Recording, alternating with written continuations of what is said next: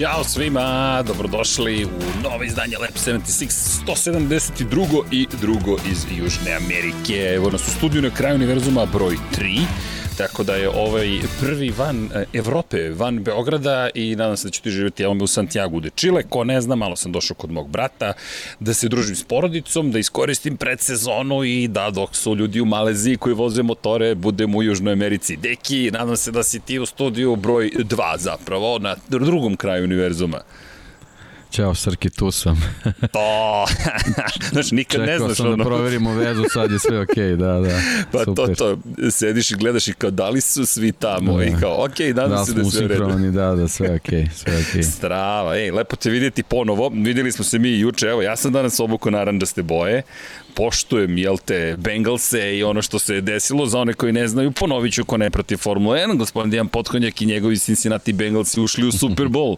Tako da držim vam palčeve. Imam, imam neku teoriju, ali izneću je kad te budemo videli u 99 yardi. Dobro, dobro. Ja mislim da tramo treba da to i vidi Bengalsi drugi put u istoriju Super Bowlu, pa red je da ti budeš prvi put u 99 yardi. Nije mala da, stvar, da. Nije mala stvar. Da, ti budeš u 99 yardi nije mala stvar. A ovo za Bengalsi ćemo lako. Da. Ali lepo, lepo je vidjeti te. Inače, naravno, standardna poruka ljudi, mazite se i pazite se i vozite i vodite računa jedni drugima i naravno udrite jedan lajkić, jedan subscribe, jedan južnoamerički like i subscribe. Danas neće biti roštilja, danas je, ka, ku, kuvar je, danas je majstor na odmoru, ja bih rekao. Za one koji ne znaju, neka pogledaju broj 171, moj brat je bio vredan ovde, pravio svakakve džakonije, pa smo uživali u južnoameričkom letu, ali koliko čujem i glavni studio je uživao. Jeste uživali juče, deki? Pa, da, da se ne hvalimo. Okej. da, da, da. Nadam se da se nije Vanja ohladilo. klima potvrdno glavom, tako A, da kli... sve je bilo okej, okay, da. A da. dobro, Vanja ima 25 godina, 24, da. koliko njemu je u, to, u, tom periodu sve okej, okay, ali dobro. ne, ne, ali, super dobro, je bilo. Lepo. Da. Lepo, lepo, lepo i čuti, vidjeti i lepo je da nam radi veza, tako da sam baš zadovoljan. Odlične Gitara veze, je tu. odlične veze. Je, znaš šta mi je rekao Burazir? Kaže, ti si svestan da ovde su česti zemljotresi, tako da ako ta gitara ostane u tom položaju, pitanje da li ćeš imati sutra. tako da moram svaku noć da je spustim dole. Koliko god to možda čudno zvučalo. Dobra informacija, da.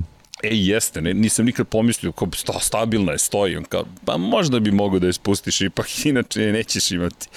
Ali dobro, nego, zemljotres je nama s druge strane, jel te, čega, čekaj, celog kontinenta tamo, Indijskog okeana, mada između mene i Malezije je Pacifik ceo, zapravo. Tako da sve to stvar perspektive, jel tako, deki? Pa, da, zavisi dakle gledaš i gde si. to, to, to, to, to. Da, ali, ali, ali je krenulo. Krenulo je i ja jedno, moram ti priznati da sam jedno čekao. Razmišljam kako naslov, šta ćemo s naslovom. I onda, znaš gde sam samo pogrešio kad sam dao predlog da budu slabije ekipe. Postoji samo jedna uslovnočeno slaba ekipa, to je Aprilia, to je jedini tim koji sme da koristi fabričke vozače u ovom da. shakedown testu, ali ljudi, sezona je zapravo suštinski deki, ako se slaže sa mnom, to je počelo je. Izašli su na stazu, ovo su pa, novi motori. Apsolutno da i, i ono, mislim, super je stvar što je to konačno Sepang. Da. Nismo u Evropi, nego smo na pravom mestu gde trebaju se rade zimski testovi. Eto, to je, ako, ako to nešto ovaj, nagoveštava, nadam se da je prava stvar. Ej, jel tebi bilo uzbudljivo? Gledam one krivine, gledam stazu, gledam zastavu, gledam one umetničke fotografije. Već smo zaboravili ono, kako izgleda, tako da je super. Strava i vremenska da. razlika, znaš, kada počinju da. testovi, razmišljam, aha, okej, okay, što imam još, još 4 sata u odnosu na Evropu, razmišljam, okej, okay, ali dobar je osjećaj, znaš, znaš, kad se probudim, već ću znati mnogo toga i kao sve, okej, okay, počelo je, onako kako treba da po... Ej, ali mnogo su to lepe stvari.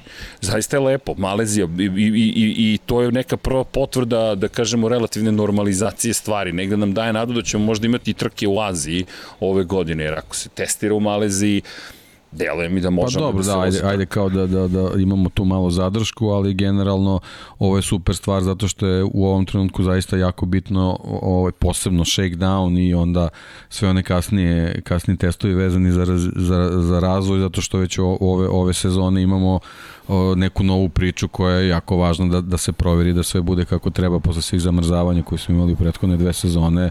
Jako je važno da, da ekipe mogu na pravi način ovaj, onim koracima kako treba da se radi da razvijaju te motocikle tako da mislim da je ovo baš, baš važno bilo da se održi kako treba. Ej, pa da, i, da, i to je onaj podsjetnik i sjajan uvod, naravno, kao i uvek kada ti progovoriš, da, ono što je super jeste, hvala ti, daješ mi, cenim šlagvort, uvodiš mi ono što je bitno, a to je pre nego što krenemo uopšte sa celom pričom, da podsjetimo, prošle godine smo mi u Moto Grand Prix imali zapravo motore s unutrašnjim sagorevanjem koji su razvijani za sezonu 2020 i kada je krenula COVID pandemija i cela kriza, zamrznuti su, što kažeš, razvoj svih motora, mogli su da razvijaju šasiju, mogli su da razvijaju oplate, to je aerodinamiku, opet tu postoje ograničenja prema pravilniku, ali činjenica je da su tu mogli da se ponašaju kao i do tada. Međutim, što se tiče motora, niko nije promenio motor. I, naravno, kako to obično biva, neko je dobitnik, neko je gubitnik, za neki koji su napravili dobre motore za 2020. To je bila prednost, za one koji to nisu, pre svega nekako gledam ka Suzuki-u, koji očigledno nije imao tu dovoljno potencijala, mada pitanje i, i, i, i, i ostali šta su tu radili, ovo je neka vrsta skoka koji dugo nismo videli, posle dve godine potpuno novi motori. Mislim da to prva stavka, ono što si rekao i, jeste najvažnije, ovo, sad, ovo je sada neka nova nova stranica u Moto Grand Prix-u, Valentino Rossi se penzionisao, pride, baš su novi početci, veliki početci. Pa, eto, ta posljednja rečenica, taj njen deo sa te dve reči Valentino Rossi. To je ono, da, da, da. ključna stvar. Znači, evo, evo prvi put posle, posle 26 godina da ga nemamo da ga nemamo na početku zimskih testiranja. Neverovatno zvuči. Naše karijere traju otprilike toliko, tako da to je stvarno onako dug period, to je isto kao sad da smo krenuli u podcast i da tu nije Srđan Erceg posle 26 godina, to je onako stvarno uh, nezgodno. Ok, hvala ti. sad si, ja se sad osjećam neprijatno, ali znam, znao sam. Uh, vidi se da si pocrveneo, vidi se, vidi se. da, sad si me zbunio, rodiče, čekaj, šta sad, šta šta, think, da, da, think, da, Homer, think, da, da. eat the pudding, eat the pudding. Gotta go. da, hvala ti na tome, ali nisam baš siguran da sam u toj kategoriji, ali lepo zvuči. Pozdrav za mamu i tatu Erceg, vidim ih na e, četu, da. tako da super. E, e, su na četu, to znači da, da se mama da. probudila, oni su legli da. popodne malo da dremnu, ali to znači da je mama, iako je tu nad 5 metara od mene zapravo, to znači da me sluša kroz podcast. Ali šta ti je, jel te čude, čuda tehnologije, iz Čilea na neki Zoom server, pa preko Zooma, to je kroz OBS u Zoom, pa u Zoom u studiju na kraju univerzuma, podatle na YouTube i nazad u Čile kod mame. Dobro? Via Sepang. Da, Vija, Vija Sepang, jeste. Ali da, da se mi vratimo na Rosijan. Prvi put da ga nema, neka nova era počinje, međutim, hvala mu, ne mogu da kažem da je dozvolio da bude manje uzbuđenja. Za one koji pitaju za knjigu Valentina Rosija, juče sam napomenuo, ušla je najzad u prelom, najzad smo zadovoljni onim što je učinjeno, papir je takođe stigao, ali smo mi iskoristili priliku da uradimo reviziju cele knjige, što je bilo dosta posla, skoro 400 strana je trebalo proći, nije to malo teksta, iako deluje kao da je samo monografija fotografija sa, samo, sa fotografijama nije, tako da smo zadovoljni i kad se vratim, to će biti, da se nadam, 11. februara, trk u Kragujevac, da da se nadam počnemo, mada je to petak, tako je, vratno ću morati da čekam ponedeljak, to je 14. dan zaljubljenih, Valent, Sveti Valentino, vidiš, da. za Svetog Valentina, mada njemu rođendan 16. možda da sačekamo 16. tako da znate, knjiga stiže, baš smo uzbuđeni, to je baš veliko delo, a posle toga stiže Sena i posle toga stiže još jedna stvar, najavio sam pre dve nedelje da ćemo vam reći šta se to događa, ali za Moto Grand Prix uspeli smo da obezbedimo, još uvijek jurimo autobiografiju za Valentina Rosija, ali smo obezbedili prava, menadžment jednog vozača, jednog osmostrukog svetskog šampiona je potvrdio da možemo da kupimo prava i tokom godine ćemo, neću reći kada, dok ne budem 100% siguran, izdati monografiju o prvoj sezoni u Moto Grand Prix-u Marka Markeza, tako da oni koji vole Marka Markeza da znaju da će to stići, to je jedina za sada autorizovana knjiga koja stoji uz njegovo ime i to je baš veliko delo. Ali pre toga još jedno veće delo, a to je autor Dijana Potkonjaka o gospodinu Ayrtonu Seni, tako da budite spremni, pratite šta se zbiva, udrite subscribe, join, like i sve ostalo, ali vredni smo i ja se još jednom izvinjam za kašnjenje, kašnjenje baš je novitet bio za nas, tako da kao i sve kada ulazite prvi put u nešto, ova monografija nas je dosta toga naučila, tako da e, jedan od stvari koje šaljamo e-mail će stići verovatno sutra svima koji su naručili jeste posređivanje M1 je jedno od poglavlja. E sad je ovo bilo sređivanje monografije Valentina Rosije, tako da ne zamerite, ja vas molim za razumevanje, ja se izvinjam u ime cijele ekipe, ne, u svoje ime ja vodim ekipu, tako da je to pre svega moja odgovornost. Ali, da se vratimo lepim temama, to je da su se, da je sezona počela i da čekamo da imamo knjigu, to će tek biti za nas isto neki novi početak, tako da smo baš uzbuđeni. U svakom slučaju, lepi momenti i videti ih u Maleziji, ja ne znam, Vanja, možeš da pustiš i malo filmić koji si pripremio, znam da si pripremio gomilu fotografije i Sepanga, da obratite pažnju prosto na na lepotu ovih motocikla i pričat ćemo o tome KTM koji je izašao na stazu sa, sa novim motorima, Yamaha se pojavila s novim motorom, ni, nisu još svi timovi zvanično predstavili svoje boje, ali ovde možete da vidite i probne vozače Suzuki-a, dakle svi su spremni i moćno izgledaju. Inače, Marko Beceki sve pohvale, Beceki dosta dobro izgledao. Valentino Rossi ekipa još nije potvrdila kada će prezentovati svoje motocikle, ali ovo je test samo da, da, da napomenemo, ovo nije zvanično testiranje pred početak sezone. Ovo je poseban shakedown, takozvani test. Deki, kako prevedemo shakedown?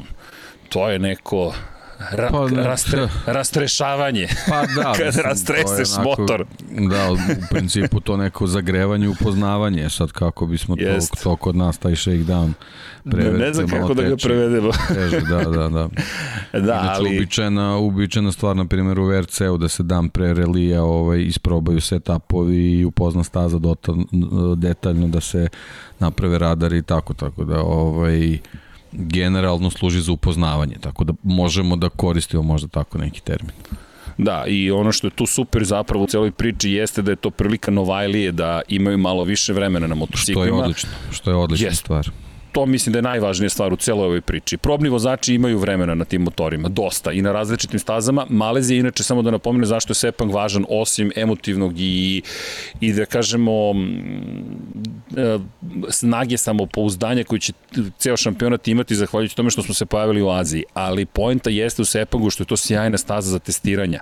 Ima duge pravce, dva, du, izuzetno duga pravca, ima spore takozvane krivine, ima mnogo brze krivine, ima nagibe, ima relativno, to je srednje srednje brzine krivine, sve ima što treba da ima jedna staza, ima visoke temperature, možete da sačekate čak i kišu, obično vas pogodi u nekom trenutku. I zato je to takođe veoma važno, a onda na sve to dodate tri dana da imaju više zapravo klinci koji su tek došli. Probni vozači i dvojica koji su izuzetak zahvaljujući činjenici da April ima samo jedan plasman na pobedničko postolje i da još uvek ima subvencije, da se tako izrazim, još uvek ima povlastice. Maverick Vinales, Aleš Espargaro, fabrički vozači su takođe bili prisutni, što je za Apriliju takođe super. I to pravilo moram ti priznam da mi se mnogo dopada. Ne znam kako je to mišljenje, ali meni se to sviđa. Niste na vrhu, evo vam nešto što bi moglo da vas približi. Pa, apsolutno da, jer u, u ovoj fazi je svaki metar je važan za, za, za testiranje i ispitivanja. April je nekako, bez obzira koja je imala povlastice ovaj, tokom prethodne dve sezone, jednostavno bila je i hendikepirana sa, sa izostankom i nekih staza i, i generalno dana za testiranje, tako da je ovo, ovo bio pravi potez. Još jedan, još jedan odličan potez u, u nizu ovaj, Dorne i čitave organizacije, tako da apsolutno podržavam, tako da ovaj, čak, čak i, i pozdravljam. Ja, kada spomenješ to, ajde digresija, jel te, da, da, da, da, da malo samo da iskoristim priliku, prosto Carmelo Espeleta je dao, ne znam da li si video, Mark, za Marku je dao jedan da. vrlo ozbiljan intervju, prenao ga i MotoGP, znam da si video, što ti ne znam da sve vidiš, ali mi je bilo zanimljivo i, i sve što je rekao i to što mu se ne dopada kako je nezavršena sezona Formula 1, rekao da ne bi želeo da se to dogodi u Moto Grand Prix. I mislim da on dosta dobro uči od grešaka koje Formula 1 pravi, iako je MotoGP ono što ste rekao negde sada u 90-ima Formula 1 i mora vrlo oprezan da bude, ali činjenica da je da je svestan, to ono što mi se dopada i pričaju naravno o tome što je otišao Valentino Rossi da, da, da to jeste jedna velika promena i ono što je zanimljivo, nekako delo mi da je bio emotivan prema Rosiju, rekao da smatra da nisu dovoljno poštovane te dve godine koje je Rossi dao Moto Grand Prix u poslednje. I, I zanimljivo mi ta fotka koju je, fotografija koju je objavila Marka, koju je uz broj 46 motocikla. Da, i, i baš to što si rekao, jako, jako je važno, a to će se tek kroz, kroz istoriju, kad se, kad se budu analizirale ove COVID sezone i videti koliko je bilo bitno da, da Valentino Rossi ostane i odluči da, da da nekako o, i on pomogne ovaj premošćavanju te, te čitave situacije, te, te tranzicije koja se pre svega desila što se tiče tih nekih tehničkih pomaka u šampionatu, onda zbog čitave te ovaj pandemijske situacije, izostanka publike, nedovoljnih termina za pripreme vozača i tako dalje i tako dalje da da bude tu da jednostavno drži drži publiku na na na na okupu i da nekako uvek bude začin u tom spektaklu kojeg smo imali. E sad što se tiče ovaj samih motocikala to smo već videli to to već kreće u tu neku u tu neku ovaj fazu gde gde e, ima mnogo mnogo elemenata vezanih za aerodinamiku uključuje se mnogo elektronike i to je to je sad taj jedan veliki korak sa kojim treba biti e, jako oprezan e, pošto je veoma bitno da se pazi u kom smeru će to otići. Ovi ovi motocikli evo sad smo videli upravo kroz ovaj kroz ovaj miks koji nam je Vanja pustio ovaj kako to sad već izgleda koliko je to ovaj ozbiljne priče i koliko je stvarno važno da, da, da, da se to sve postavi uh, na prave noge da bi u, u principu ta neka post-Rosijevska era započela na pravi način i, i omogućila da, da, da se publika opredeli za, za, za, za superstaro, jer jednostavno ovakav šampionat mora da ima neko ko će, ko će da iskoči i da, da već bukvalno od prve trke počne da se sve pozicionira na taj način kada pričaš i u Zvezdi, realno to je rekao Carmelo Espaleta na pitanje novinara Marke, da li, da li očekujete da padne gledanost zahvaljujući tome što otišli, inače Jaime Martin i Gerardo Riquelme su intervjuisali Espeletu I njegov odgovor je bio, to je pitanje za vas kao medija. I ono što mi se dopalo, rekao je, moj posao će biti da nastavim da radim ono što je u krajem slučaju Valentino radio, a to je takođe da se potrudimo oko samog sporta. I znaš šta mi je zanimljivo? Da, način na koji je opisao 2020. i 2021. rekao je da je ponosan pre svega, pitanje je bilo da li si ponosan na da li ste ponosni na to što kada počne trka Moto Grand ne znate ko će pobediti, ne znate ko će pobediti. Rekao je ponosan sam zapravo na to kako su fabrike, privatne privatne ekipe, svi koji učestvuju u šampionatu shvatili da je zajednički interes mnogo važniji i da, iako svi žele deo kolača, da su svesni da tog kolača praktično nema ukoliko se ne ujedine. I to ono što je, što je fan, fantastično, da, da su došli do tog stadijuma. Ako se vratimo 10 godina nazad i čuvene CRT timove i, i, i, i bukvalno bitku koju je Speleta vodio protiv Fabrika, mi sada imamo s jedne strane, neću reći harmoniju, ali dovoljno dobre kompromise da su svi konkurentni i da je šampionat samim tim toliko uzbudljiv, da ga je Rossi isto tako održao time što se nije povukao na vrhuncu slave, nego je rekao, ok, ljudi, dok se ne stvori neki novi šampionat, tu sam i sad pride, vidjet ćemo, vraća se Mark Marquez, da li će on biti ta zvezda, to se svi pitamo. Pazi, on ima osam titula, ja ne znam, ili tebi deluje Mark Marquez da može da povuče. Meni deluje da je Mark Marquez mnogo važan, ali da niko ne može da zameni Rossi niti treba, već treba da bude Mark Marquez, doći će Costa, došao Raul Fernandez, i dalje je tu Fabio Quartararo koji je velika zvezda, tu je Francesco Banjaja i da oni zajedno mogu da stvore tu vrstu šampionata gde Rossi ostaje kao kao neka vrsta legende, bukvalno koji dalje ima svoju ekipu. Je ikona, on, on je tu, mislim, ikona, nema, nema šta. Video, video si, mislim, svi smo bili svedoci te posljedne trke u Valenciji, onaj mural koji se, koji se našao bukvalno na, ikona, na stazi, znači to je, to je jednostavno, to je to, tu, tu ne treba tražiti nikakav drugi termin, jednostavno postoji i, i svima je jasno o čemu se radi. Naravno, vrhunska stvar za, za Moto Grand Prix što će on i dalje biti prisutan tu, tako da nema šta. I, i samo bi se vratio na to što si rekao vezano za, za tu jedinstvo i, i ovaj te neke ovaj da kažem ustupke koje su pravljeni kako bi šampionat se razvio i došao na, na to mesto na koje mislim to je, to je super ta ta izjednačena čitava priča i i ti startovi da ti ne znaš ko će pobediti na kraju i tako dalje tako dalje ali generalno je za, za, za sportsku priču današnjice je važno da se izdvoje superstarovi. To je, to je nešto što je stvari pre svega uloga publike i kao, kao što je i u tom intervju rečeno, izuzetno je važna uloga medija. Sad, mi ponovo imamo ovu neku priču gde, gde, e, gde e, se Moto Grand Prix još ne snalazi dovoljno i da, da oni ne prave tu atmosferu koja će omogućiti da se neki neki vozači izdvojili i evo već već ovih ovih nekoliko dana što smo imali ovih ovih prvih testova ajde u stvari nas nas vikend čeka da će biti ono ono glavno i najvažnije ali generalno da. meni već već nedostaje da vidim zimsku kacigu Valentina Rosija E, jeste, malo je čudno da iz te perspektive. Da, ovaj, meni, ali... meni je u, u celoj ovoj priči, recimo, evo, evo da, da se vratim na ovaj miks koji je Vanja pustio, pa će on možda pronaći ako uspe da pogodi. Meni u čitavoj priči najzanimljivija fotografija Raula Fernandeza sa on, on, ono šeretsko sedenje i namigivanje u kameru. E, pa, to je, to je već dokaz ne, nekog stava, okay. neki attitude koji postoji i to je to gde, gde trebaš tražiti vozače koji su svesni čitave uloge i, uh, i, vrati, i kakav je njihov zadatak. To, e, evo Eto ga. ga. To je to. Vidi, vidi, aj, ajde, vidi, ovo je možda sad i bitka za to ko će biti najveća zvezda ovog šampionata. Jer sad su srca neopredeljena. Budi uveren da bitka postoji. Budi postoji, uveren da to postoji. To, to ti kažem, vidi, to je, vidi. Evo, ja sam u naravno da s tim bojam. Šalim se, naravno, ne veze s Raulom Fernandezom, ali činjenice, to je zbog Deki, zbog Engelsa, ali činjenice, imam utisak, zaista, baš si lepo rekao, da, da zapravo sad si mi stvorio utisak u glavi ovog momenta da je da zapravo krenula bitka za to ko će biti zvezda. Pazi, ti imaš publiku koja obožava sport i hvala Rosiju na tome, hvala i Merkezu, hvala i Pedrosi, hvala i Lorenzu, hvala Stoneru, hvala svima koji učestvuju, ali pre svega Rosiju, što je uveo mnogo ljudi u sport, pa je došla nova generacija koja sad ni ne zna za Valentina Rosija. Pričam sa nekim momcima i devojkama koji su u fazonu, e vidi, super, taj Rossi, ali nisu ga videli u njegovim danima slave i to je za njih neka istorijska figura, ali su videli Moto Grand Prix u najlepšem izdanju i sad si mi dao zapravo misao, hvala deki kao i uvek, A to Nema je... čemu.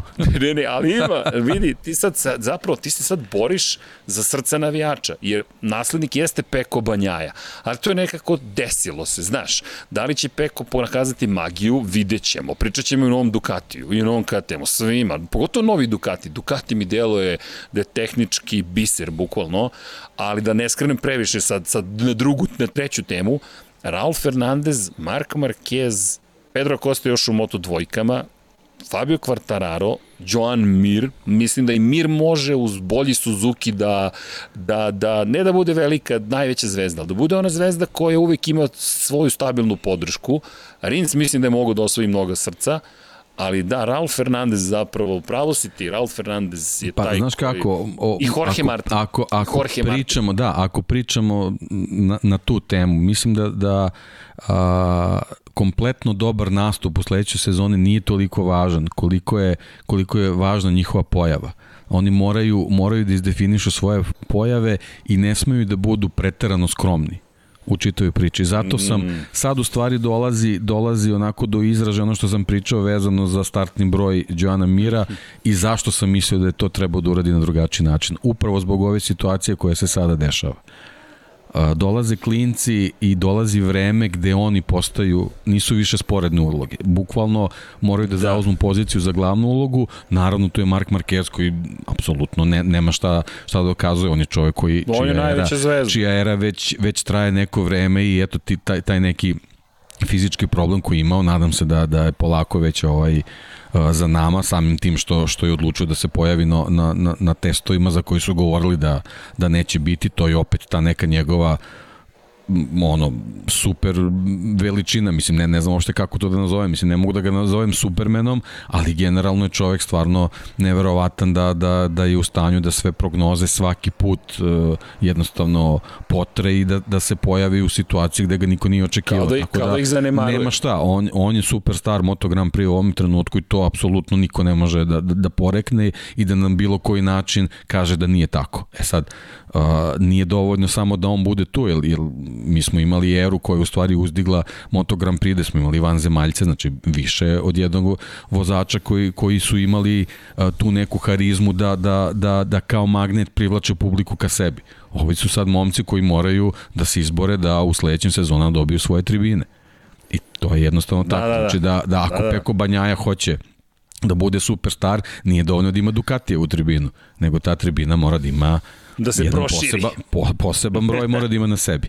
Tako da eto, to je, to je ovaj nešto što je u ovom trenutku za njih možda i bitnije od tih samih rezultata, ne znam, serije pobjeda i tako dalje i tako dalje. Fabio Quartararo je na najboljem putu. Znači njegova prošla sezona, a, njegov nadimak, njegov stav, znači čitao ta neka pozitivna priča oko njega. Pa dobro i moda njegova. Jeste, apsolutno, apsolutno mu, apsolutno mu daje ovaj pravu priliku koju on ako želi da iskoristi jednostavno moći će da se, da se etablira kao neko ko će da predvodi tu novu generaciju. Deki, kakva sezona naš čeka, čeka, ovo je nova dimenzija, sad te radiš, ovo sada multiplikuje sve, ovo je sad eksponencijalno raste ludilo koje nas čeka.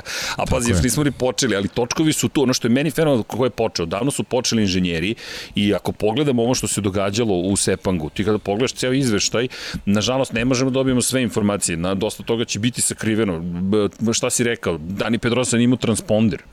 Dakle, mi ni ne znamo šta je on sve testirao. Pa da, mislim, ne, ne treba to sad gledati iz ugla, ne znam da on bio sekundu brže od ostalih, pa sad ne, hoće, naravno, to, naravno. da hoće to, da žele to da sakrije, nego jednostavno iz nekog drugog razloga ovaj, nije taj, taj motocikl na sebi nije imao ovaj, senzor za, za prenos tih podataka o, o, o trenutku prolaska, mestima prolaska cilj, da. na stazi kroz cilj, nego jednostavno kad je, kad je motocikl se vratio u garažu, jednostavno diagnostika u tom trenutku aktivirana i verovatno zajedno sa vozačem su su prolazili sve elemente koji su trebali da, da vide i verujem da je to možda jedan, jedna od praksi koji su generalno i radili tokom razvoja ovaj, motocikala, ovo je sad jedna prilika koja, eto, koju, koju nisu možda imali na pravi način u prethodne dve sezone. Tako da to je možda jedan dobar korak za, za KTM da, da proveri nešto što, što do sada nije, a ipak možda i da sakrije nešto drugih.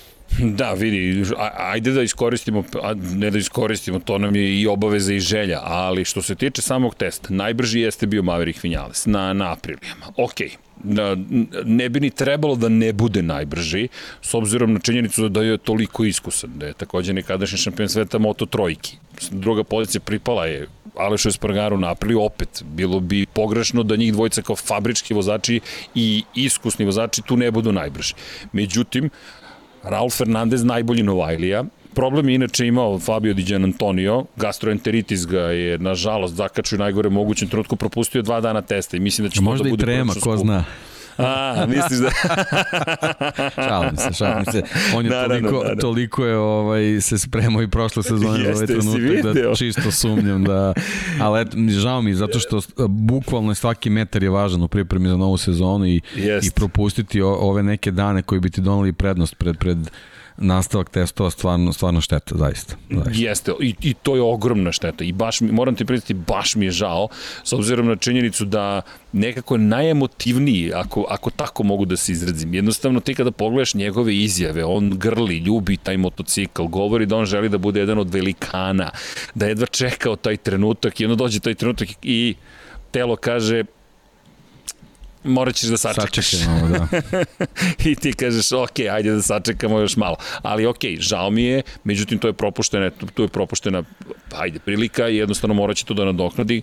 Nadam se da će se oporaviti na vreme za ove zvanične testiranja, ali kada govorimo o, o, o Novajlijama, Derin Binder je takođe bio tu, imao je priliku da testira.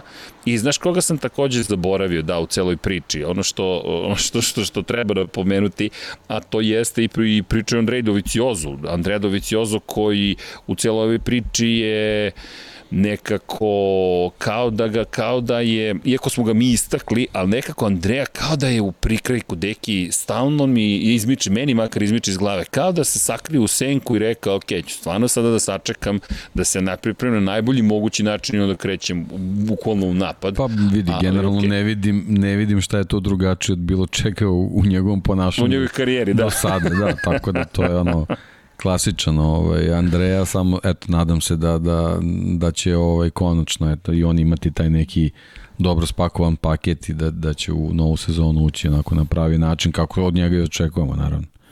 Da, dobro, očekujemo zaista, mislim, mislim da svi očekujemo zaista mnogo, ali dobro, da, da sad ne odemo u, u još jednu priču. No, da se vratimo onome što se događalo kada je reč o samom testu. Dakle, videli smo, imali smo priliku da imamo Derina Bindera i ok, rekao je, osjeća prosto pritisak koji je na njemu, međutim bio vrlo, vrlo raspoložen, rekao je da nije radio nikakav napad na vreme, na vreme, već da se samo fokusirao na to da što duže bude na stazi i da kreće od punog rezervara goriva do praznog da prosto simulira trke što je više moguće. Inače, išao bih redom. Što se tiče KTM-a, KTM koji je predstavio novi motocikl, svi su predstavili. Dani Pedrosa imao novi aeropaket, što kažu, novu aerodinamiku i novu zadnju veljušku ne znam šta bih rekao uopšte kada je reč o KTM-u, kada govorimo o, o onome što, što ih čeka četiri fabrička motora, međutim, Miguel Oliveira podbačaj, Brad Binder podbačaj i Brad Binder je rekao tokom predstavljanja motocikla da, da sada već se osjeća koliko je vremena u Moto Grand Prix i da je neophodno nešto učiniti ove sezone. Mislim da ovo velika sezona za fabričke vozače KTM-a, bez obzira na dužine njihovih, njihovog ugovora, ali ok, izašli su na stazu, da ne trčim pred rudu pre nego što vidimo i testove i naravno prvu trku, ali imam utisak da, da pogotovo Raul Fernandez tu da diže ozbiljnu prašinu na sve strane. Remy Gardner ne toliko, on je osvojio titulu, povredio se, ali se oporavlja. I međutim, niko se ne plaši Remije Gardnera, budimo realni. Svi nekako sa simpatijama gledamo ka Gardneru, svetski šampion, ali Raula Fernandeza mislim da se svi pribojavaju, uključujući njegove kolege iz fabričkog tima KTM. Vratih se pa, Raula Fernandeza. Jeste, ali ono, bukvalno kad, kad, kad je stigao i, i pod našu lupu, sećaš se kako smo počeli o njemu i da pričamo, ja i dalje ono, stojim ovaj, i Džanki se slagao sa mnom, znači on je, on je dečko koga ja vidim u, u bojama Repsol Honda i ne znam, jednostavno to je, to je taj neki put ovaj, superstara i mislim da je on na najboljem putu da, da to i uradi, a to je nešto što apsolutno nema nikakve veze s tim da li si osvajao titul u nižim kategorijama i nisi, to je to je nešto što ti otvara mnogo lakše neka vrata, ali generalno taj stav e, i, i, i taj talent i ta brzina koju pokazuje što je nešto što, što svi prepoznaju i ja mislim da je on, da on spada u tu grupu vozača kojeg ćemo gledati ovaj, u nekom predstojećem periodu kao, kao, kao ovaj, perjanice čitave, čitavog šampionata da se vratim ipak na stazu. Ok, KTM novi motor je stigao, međutim nema toliko priče o, o, o novom motoru koliko ima kod nekih drugih i, i pričao bih iskreno o Ducatiju. Sve nekako pokušam da ga pomerim malo jer toliko sam odušen Ducati, možda, mi dajem, možda mu dajem toliko tako i mnogo vremena, ali osvojili su titulu šampionatu konstruktora, Ducati zaslužuje zapravo da se njime bavimo i nekako moram ti priznati da Ducati vrlo lepo radi i marketinški, a makar je to moj utisak. Gigi Dalinja je otvoreno pričao o tom motociklu i za razliku od ostalih koji nekako ne otkrivaju toliku količinu informacija, Gigi Dalinja je pre ponosan na GP22 i rekao da su radili mnogo stvari, čak je otišao toliko da ka, daleko da je rekao da ovo novi motor sa unutrašnjim sagorevanjem. Pazi sad ovo, cilj mu je, kao što znaš, ali da ponovimo, da nađu više konjskih snaga u duhu svoje filozofije, ali da održe nivo upravljivosti motocikla na onom nivou na kojem su bili pred kraj prošle sezone vidi, ukoliko to uspeju, mi pričamo o, raket, o raketi, bukvalno. To znači da će i, i pogotovo Yamaha, koja je ne, inače imala zastatak po pitanju snage, a koja brani titulu u šampionatu vozača, biti ozbiljni problemi i naravno ta nova Honda za koju niko ne zna šta da očekujem. E da, ne znam da li si vidio Štefan Bradl koji je izašao sa RC 213V motociklom na Superbike testove. Honda je toliko ozbiljna da je Štefan Bradl, nekadašnji šampion sveta iz Moto dvojke iz 2011. i probni vozač Honda, deki bio na testu Superbajka Pazi, oni su otišli na, na Superbike test sa RC 213V motocikla. Pa ponavljam se, svaki metar je važan u ovom trenutku, zaista. Znači, sve, svi podaci koji mogu da se prikupe su, su ono neprocenjivi i, i u ovom trenutku gde, gde već je počelo odbrojavanje do početka sezone, svaki dan je važan, svaki, svaki trenutak u kojem možeš da otkriješ nešto da, da, da da možda ne funkcioniše kako treba ili je odlično pa trebaš da ga, da ga isprobaš u nekim raznoraznim varijantama jednostavno svaki svaki trenutak mora se koristiti jednostavno testiranja nisu ne, ne mogu da se obavljaju nedogledi i, i to, to su jednostavno jedini načini kojim ekipa mogu da pribegnu, prebegnu da bi, da bi, da bi ispunile plan razvoja. Da, inače, zvanično Ducati, fabrički tim nije još predstavio svoje boje, ali, pošto, zašto nisu, pa Jack Miller je imao COVID i ostaje u Australiji, nije mogao na vreme da dođe za prezentaciju, međutim, nisu pomerili, i to je super iz perspektive Ducatija, Ducati je pustio jedan kratak video na društvenim mrežama, čak nema u medijskoj arhivi, samo na društvenim mrežama, boje su manje više ostale iste, Lenovo je glavni sponsor i dalje, videli smo novi motocikl na stazi, međutim, Vanja, ako možeš da pustiš, molim te, Pramakov, Pramakovu prezentaciju, ovo je novi GP22, Joan Zarko ima bradu, to moj stil gura zimski, ali zajedno sa Jorgeom Martinom predseće pramak. 4 GP2, 5 pa drugo GP22 modela. E da, deki, hoćemo videti ovo, šta misliš? Bilo bi lepo. Bilo bi lepo. E, vidi, s motocikla, ja sam se malo zabrinuo, razmišljam, čekaj, skačeš u predsezoni, daj, molim te, Zarko, obavi taj pobednički salto u nazad. Vidi, ako, sezone. ako je pristao da ovo uradi, to isto nešto govori to, to sam htio da ti kažem, deluje mi da je i on rešio, da je to to, jer mislim da ovo njegova poslednja sezona u kojoj ima šansu da zaista zadrži neku ozbiljniju poziciju. Da li može da bude jedan od ljudi koji su dalje u šampionatu u nekoj drugoj ekipi? Verujem da može. Ima iskustvo, ima brzinu. Ali u timu koji može da se bori za titula Pramak može, uz Martina koji sigurno motiviše, taj skok, hvala Vanja što si ga zadržao, tu deluje mi zaista kao bitan moment. I super im je prezentacija, mnogo lepo motocikl izgleda, aerodinamički manje više to ono što smo videli na kraju prošle sezone, tu pod sezonskim testiranjima, tu je većina novih stvari predstavljena, naravno, ono što ti uvek kažeš, polako, da mi vidimo šta će se pojaviti još u Sepangu, ali motor spoljno ne izgleda toliko drugačije. Međutim, ukoliko, a nema razgleda na aerodalini, su popravili motor, uf, ja hoću da vidim maksimalne brzine, pogotovo što dugo nismo bili u Sepangu i da vidimo i, i da li će pasti rekord staze i da li ćemo videti nove maksimalne brzine. Da, kad smo kod rekorda, to smo pričali pre emisije, ovaj rezultat koji je e, da. Vinales da.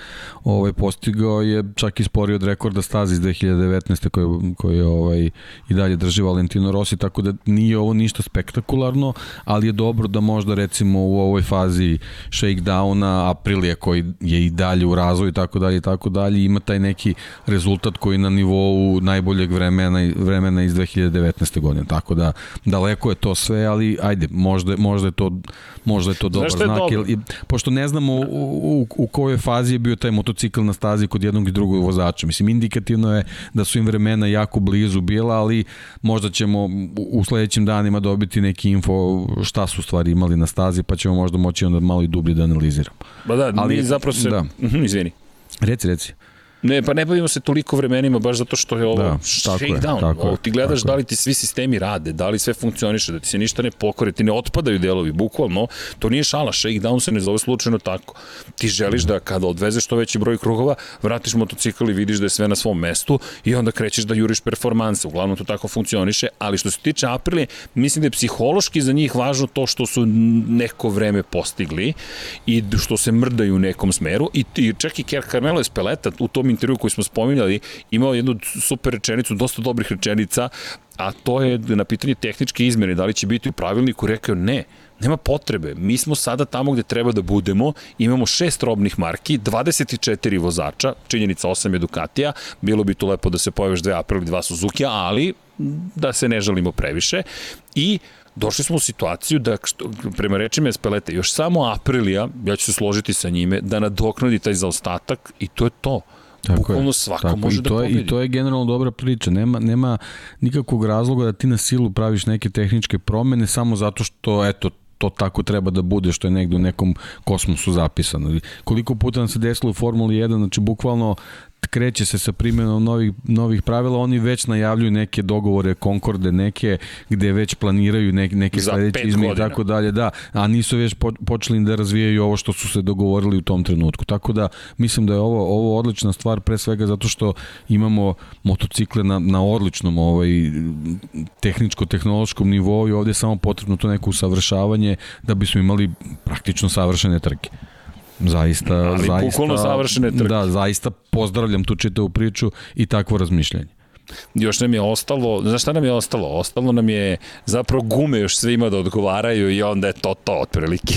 pa dobro, ali pazi, mora, mora da postoji neka nijansa gde, gde može da se primeti razlika. Tako da, eto, ajde, gume su... Da ne bude kup takmičenja. Jeste, i gume su uvek bile onako u, u, u motociklizmu ključna stvar i stvarno se tu pravila, pravila ta neka razlika. I ja, eto, što se mene tiče, neka tako i ostane. Da, gume koje ne, isto to ono što ne znamo, da li će nešto Michelin menjati, neće menjati, obično svi čekamo pred sezonsko testiranje da bismo čuli da li neke gume odgovaraju ne. Kroz istoriju se uvek dešavalo, pa i u poslednje dve godine, da nove gume nekome više odgovaraju. KTM Honda, Ducati sa V motorima, neću Aprilu da stavljam tu pošto je mnogo zaostajala, uglavnom su želeli manje bočnog prijanjanja, to je da što brže mogu da, da ispravljaju motocikl, pun gas na izlasku iz krivine, Suzuki Yamaha koji generalno kroz krivine nadoknađuju brzinu, njima više odgovara prijanjanje na boku gume, jer imaju te drugačije zavojite putanje, nemaju tu V putanju i to sad isto negde, hajde da kažem, čekamo, ali, ali što se tiče pravila, ne dirajte ništa, radi, sve je u redu, ajmo da ostavimo to Tako na miru. Je, apsolutno, apsolutno. I ono sad već da slušamo neku priču šta će da bude 2027. Pustite sad to, ajmo da se mi koncentrišemo na ovo, da, da ovo razvijemo kako treba, da dobijemo te junake koji će da vode čitavu priču, da, da dobijemo dobre trke i, i, i to je to i naravno da imamo konačno kompletne sezone. To, to je ono što, što je u ovom trenutku glavna želja. Ne, a da se vratimo da se vratimo do Ducati, izvini, pošto smo krenuli s njima, naravno, pa naravno. ovaj apsolutno se slažem to sve što što si ti rekao i i i što si citirao i i Delinju, jednostavno mi smo kroz, kroz ove dve, tri sezonu unazad videli da jednostavno ova nova generacija motocikala zahteva da, da ti motocikli zaista budu kompletni. Da, da, mislim da naravno nema tu kompromisa, nego da jednostavno svaki element mora da bude uh, razvijen do maksimuma i onda je jako teško ovaj, da, da, da prođe motocikl koji je dobar samo u jednom elementu. E sad, ako Ducati uspeo da razvije sve, sve gde su, gde su neki nedostaci bili, a videli smo prošle godine da, da je to zaista tako, ako na sve to još mogu da pronađu te neke dodatne konjske snage povećaju brzinu, ja, ja ne znam, stvarno se pribojam za ove ostale šta oni mogu da, da izvuku iz svojih rukava, zaista. I, i još imaš zaista. pet tih motocikala, pet GP22. Da. 5 GP22, a ni GP21 nije bio loš. Da se podsjetimo, Peko Banjaja, Jack Miller, Jorge Martin, Joan Zarko i Luka Marini. To je pet novih motocikala i imaš tri stara, moto, stara motocikla, Fabio Di Gian Antonio, jel te, Enea Bastianini i Marko Beceki. Marko Beceki koji je bio odličan u predsezonskim testiranjima. Da. I bolje izgledao nego kada je prešao u Moto2. Na KTM-u u Moto2 on se mučio, on je bio poslednji redovno. Sada već to izgleda mnogo bolje. Moram pa, ti priznati ajde, on baš laborator. Ajde, rekli smo kao nećemo vremena, ali čisto je indikativna stvar bez obzira šta se nalazilo na, na motociklu Mikela Pira. Beceki ima bolje vreme od Pira. da, da, da, da, da, Mikele Pira kao da. probni vozač koji da, imao tako, Space da, ali kažem, dobro, ne, mi on imamo naravno, zadačku zašto naravno. ne znamo šta je, šta je na tom motociklu, motociklu i kakav mu je zadatak bio, ali, ali nije bitno, Beceki je tu i u sekundu i odnosu na Vinjalesa kao, kao moma koji i dalje pravi te, te neke to su ipak e, početni krugovi dalje, mislim, bez, bez obzira na sve, mislim, jednostavno, ovaj, to, to stvarno, stvarno obećava i to ono, mislim, bili smo svedoci i, i, i u prošlosti da, da postoje neke kategorije, to važi i za Bindera, za Derina, jednostavno nekome neke kategorije leže i sve ono što je bilo u prošlosti u nižim kategorijama jednostavno bukvalno može se za, završi sa, i zaboravi sa prvim metrima ove nove sezone i, i, i nastupa u, u Moto Grand Prix, a takođe kad se već spomenuo da imamo stare Ducatije, mi jednostavno moramo, moramo da razmišljamo i, i o sezonama unazad, posebno 2020 gde, gde smo imali motocikle koji su isto bili kao generacijski stariji, posebno posebno mislim na, na Morbidelija gde je on apsolutno čovjek u sezonu bio u konkurenciji za osvajanje titule, tako da to što taj ovaj što su što što će ta tri Ducatije biti starija po po generaciji svoje apsolutno ne mora ništa znači. Vidi, dovoljno je bio brz taj motocikl, više nego dovoljno Tako brz. Je. Ali e, što se tiče ko je testirao, to je isto zanimljivo. Kada pogledaš, Michele Piro je bio prisutan za Ducati. Marko Beceki koji je veoma talentovan takođe bio na Ducatiju, Fabio Di Antonio taj jedan prvi dan je proveo na Ducatiju, nije mogao beštio da nastupa, nije Novajlija, vrlo jednostavno, međutim samo ko je Ducatiju davao povratne informacije.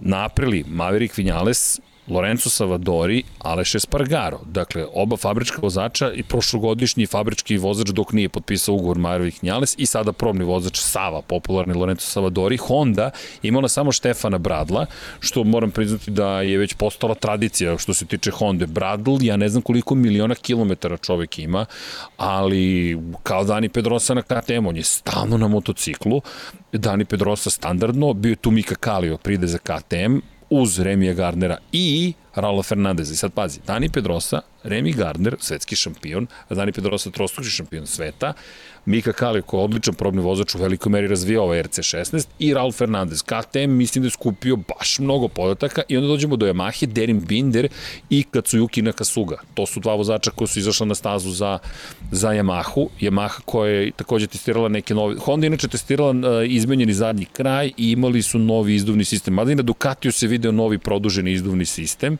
od onoga što smo mogli da primetimo, mada ne bih davao previše značaja tome. I da ne zaboravim Silvan Gintoli. Silvan Gintoli za Suzuki. Suzuki koji izgleda od... Kako ti izgleda Suzuki novi? Ja sam oduševljen kako izgleda Suzuki. Pa, ne znam. Da, dobro izgleda, ali ono, ja, ja bi ipak, ti ipak voleo, voleo da sačekam da vidim šta je ispod. To je, to je ono što je u stvari Suzuki stalno, stalno da. nedostajalo. Da. Treba spomenuti, da. naravno što se tiče Yamahe, na, spomenuti na Kasugu ovaj, da su i Kohanu Zane i, i Kal Kračlov ovaj, u čitoj priči vezano za e, da. testiranje. Da. Kal je prošao Kal neke Kračlov. svoje prve krugove, tako da ne možemo sad kažemo to treba zanemariti, ali jednostavno nije, nije to dovoljno. Ovaj, I produžio ugovor, još... Kal Kračlov. Da, da, da, da, da, to je, Kal Kračlov ovaj... produžio ugovor. Do kraja 2023. Da. će biti probni vozač Yamaha. Pa da, eto, to je možda indikativno, verovatno ovaj, je, je Yamaha i procenila da, da od njega može dobije ovaj, dobre povratne informacije, što onako, eto, ono, kako bi rekao i pozitivna ocena čitave, čitavog njegovog nastupa tu koji eto nije nije bio nešto preterano ovaj dugačak pre svega zbog ove čitave situacije, ali eto super, njega imamo i dalje u toj priči, pa, pa ćemo vidjeti šta može da donese Yamaha iz tog ugla. Dobro, to vidi, sad je postalo ono što smo i pričali, mnogo važno da imaš mnogo dobrog probnog vozača. Mnogo je postalo važno. KT, e da, KTM koji je produžio ugovor sa Pedrosom, to nismo napomenuli, o njemu je istekao ugovor bio na kraju prošle da. godine. Da. I tu se diskutovalo, Mike Leitner je otišao, da li će Dani Pedroso, nije, Dani je produžio ugovor, ostao sa KTM-om, deluje mi da se on lepo zabavlja, vozi motore, a ne mora da se trka, ili makar ne previše često, i svima lepo makar je to ovako utisak nekako sa strane. A verujem da je uživao, da, da, da je zaista uživao u Sepagu. Nego vratio bi se na Ducati, na pramak Ducati, neki ove boje, ceo tim, ono što izjavljuju, kako to sve zvuči, kako to sve izgleda, meni delo je kao da je ovo najozbiljnija sezona potencijalno za pramak Ducati i da uz podršku koju su dobili sa ova dva vozača u momentu kada, neću reći da je u limbu Jorge Martin, ali je u jednoj sjajnoj poziciji, verujem da bi svaka fabrika htela potpiše ugovor sa njime, on ima fabrički model u jednoj privatnoj ekipi. Meni to delo je druga sezona takmičenja, kao idealna prilika za nekoga koji svoju titulu u Moto3 klasi i koji deluje da je veoma agresivan. Rekao je za prošlu godinu da je bila najintenzivnija u njegovom životu. Bazi sad to. I rekao je da je mnogo bilo emocija snažnih i dobrih i loših, čak i onaj moment kada razmišljaju da li da se povuče, a odlučio da nastavi dalje i rekao je, prošle godine smo postavili osnove, mislim da nas čekaju velike stvari ove godine. I nije više vozač na neki način Novajlija broj 2 koji treba da podrži Zarka. Naprotiv. Da, da, sve, sve je kretalo s onim pričama još i od Katara koje su potpuno na neki drugi način ovaj završene gde, gde ono gde je osvojio ovaj e, publiku sa, sa, sa svojim najavama da će podržati, podržati Zarka u njegovom šampionskom pohodu i tako dalje i tako dalje onda do njegovih izuzetnih rezultata onda ona teška povreda koja, koja, mu, se, koja mu se desila tako da stvarno mislim svašta je, svašta je tu nešto bilo u, u, ruki sezone mislim ne to su neke situacije koje su možda i neočekivane i zaista ovaj nije sad nešto da, da opravdavam ta razmišljenja ovaj, da, da se povuče tako dalje i tako dalje, ali zaista je jako teško nositi se sa svim tim u, u, u svega nekoliko meseci, zaista ovaj, mnogo, mnogo uspona i padova, ali, ali mislim da, da, da, da je on momak koji bi u ovom trenutku zaista trebalo da razmišlja samo usponima. Mislim da da jednostavno da i on tako ima neki neki mindset na, na, na taj način tako da da verujem da verujem da i, i, i ovo predstavljanje gde se stvarno vidi da ovaj motocikl zaista fenomenalan i, i, i odlično je generalno ta pramak priča spakovana, mislim vidim da, da, da, da je plava boja nešto počela malo više da, da, da, da se pojavljuje, tako da pretpostavljam da je to vezano i za Okto kao, kao sponzora koji dugo godina u, u čitoj priči oko Moto Grand Prix i moguće da, da je i finansijski ovaj, uh, možda ovaj pramak i, i bolje ovaj postaknu od, od Oktoa, što, što i njima možda neka olakšavajuća okolnost, jer stvarno pramak kao, kao kompanija verovatno je teško da ovim nezgodnim trenucima sama nosi, nosi čitavu priču, tako da ako, ako, ako se pojavila velika ovaj, veća podrška od Oktoa, mislim da to, to isto može da bude dobar vetar, vetar u leđe za, za čitavu priču. Da, kod njih i dalje stoji F1 pozadnje na zadnjem kraju. To je samo potvrda da se sarađuje sa Formulom 1. Veze je Stefano Domenicali koji je bio direktor, izvršni direktor Lamborghinija i koji... Polaka Audija. Mislim, povlaka Audija, da, povlaka Ducatija. da, pa da, da, da, tako da to, ne, ne, ne. to je ta veza i to je veza koja je, koja je Pramaku jako važna. Mislim, a i videli smo prošle godine da, da sve što je bilo do saradnje sa Ducatijem i Pramakom je bilo super, samo eto malo nekog njihovog neiskustva u nekim situacijama su možda do, do toga da, da pokleknu i da se malo teže vrate, ali verujem da su sad i to pregurali i, i da idu dalje. Audi je svugde svaki put kada progovorimo Audi je tu. Moto je ovde veza, kada pogledaš veze sa Formulom 1 potencijalne koje bi mogli da se dese, hibridni sistem, Audi non stop je tu negde Audi. Ok, pratit ćemo, neću da, da ne prejudiciram, ali držim palča da će tu nešto da se desi. No, što se tiče ove ekipe, prošle godine, to je, oni su imali najboljeg nezavisnog vozača, to je vozača nezavisne ekipe, imali su Novajliju godine, imali su titulu najboljeg nezavisnog tima i Pramak je uradio sve što je mogao da učini u to, a da nije fabrički tim nazdravlji kogod da je kinuo. Ali, ali je stvar u tome što je to prva stvar koju moraš da odbraniš. I ono što je zanimljivo, Paolo Campinotti je rekao šef ekipe, da, to je vlasnik ekipe da mogu više, a Fonzi nije to zanimljivo, je izjavio da što se njega tiče, oni moraju u svakoj trci da se bore za najviše, za najviša najviše plasmane. To su plasmane pobednička postolja. I rekao, mislim da imamo sve što je neophodno da bismo uspeli u tom cilju. Inače imaju novog šefa ekipe, Claudio Calabrezi, koji je rekao prvi put sam menadžer ekipe i daću sve od sebe da podignem pramak na još viši nivo. Tako da to može da bude najveće pitanje za njih, pošto Calabrezi još nije obavljao ovu funkciju, ali okej, to, to je sastavni deo sporta, ljudi dolaze i, i prolaze i eto, neko novi je stigao. Da, da, da mislim, da, jednostavno ta slagalica, koliko god delovala da je bila sklopljena, eto, ispa, ispostavlja se da tu ima još nekih elemenata koji mogu da se ubace i da jednostavno samo ta čitava slika bude čvršća, tako da ovaj, znamo koji i staze odgovaraju i znamo kakav je raspored uh, ovaj, trka, kako ide taj kalendar, tako da, da od, od, od Pramaka treba da se očekuje dobar start sezone koji eto, može samo da, da ih ohrabri da, da nastave na, na, na bolji način nego što je bio nastavak prošle sezone koja je isto odlično počela. Tako da to je taj neki novi sledeći korak koji ih čeka. Čitava ekipa je tu, mnogo iskustva, dolaze ti, ti, ti novi, novi elementi koji mogu da, da, da doprinesu ovaj, uh, boljem razvoju, tako da nema, nema tu šta mnogo da se ovaj da se tu mnogo priča i filozofira, jednostavno taj, taj paket stvarno deluje dobro. Ma, od svih privatnih ekipa, ako pogledaš, Pramak je ta ekipa. Teh tri ima Novajlije, ipak su Novajlije, ali Pramak je de facto rame uz rame sa fabrikama. Hon, Lučiće Kinelo Racing Hondin teško da može da se poredi, ni Aleksan Marquez, pa ni Takaki na Kagami nisu se baš pokazali najboljim, ajde vidjet ćemo ih sa, novim, sa novom Hondom. RNF, Yamaha, ok ima Andreu Dovicioza, međutim i to je novi projekat kompletan, znaš, nije to još uvek zaživelo neko kako, kako, kako, kako bismo želeli da zaživi.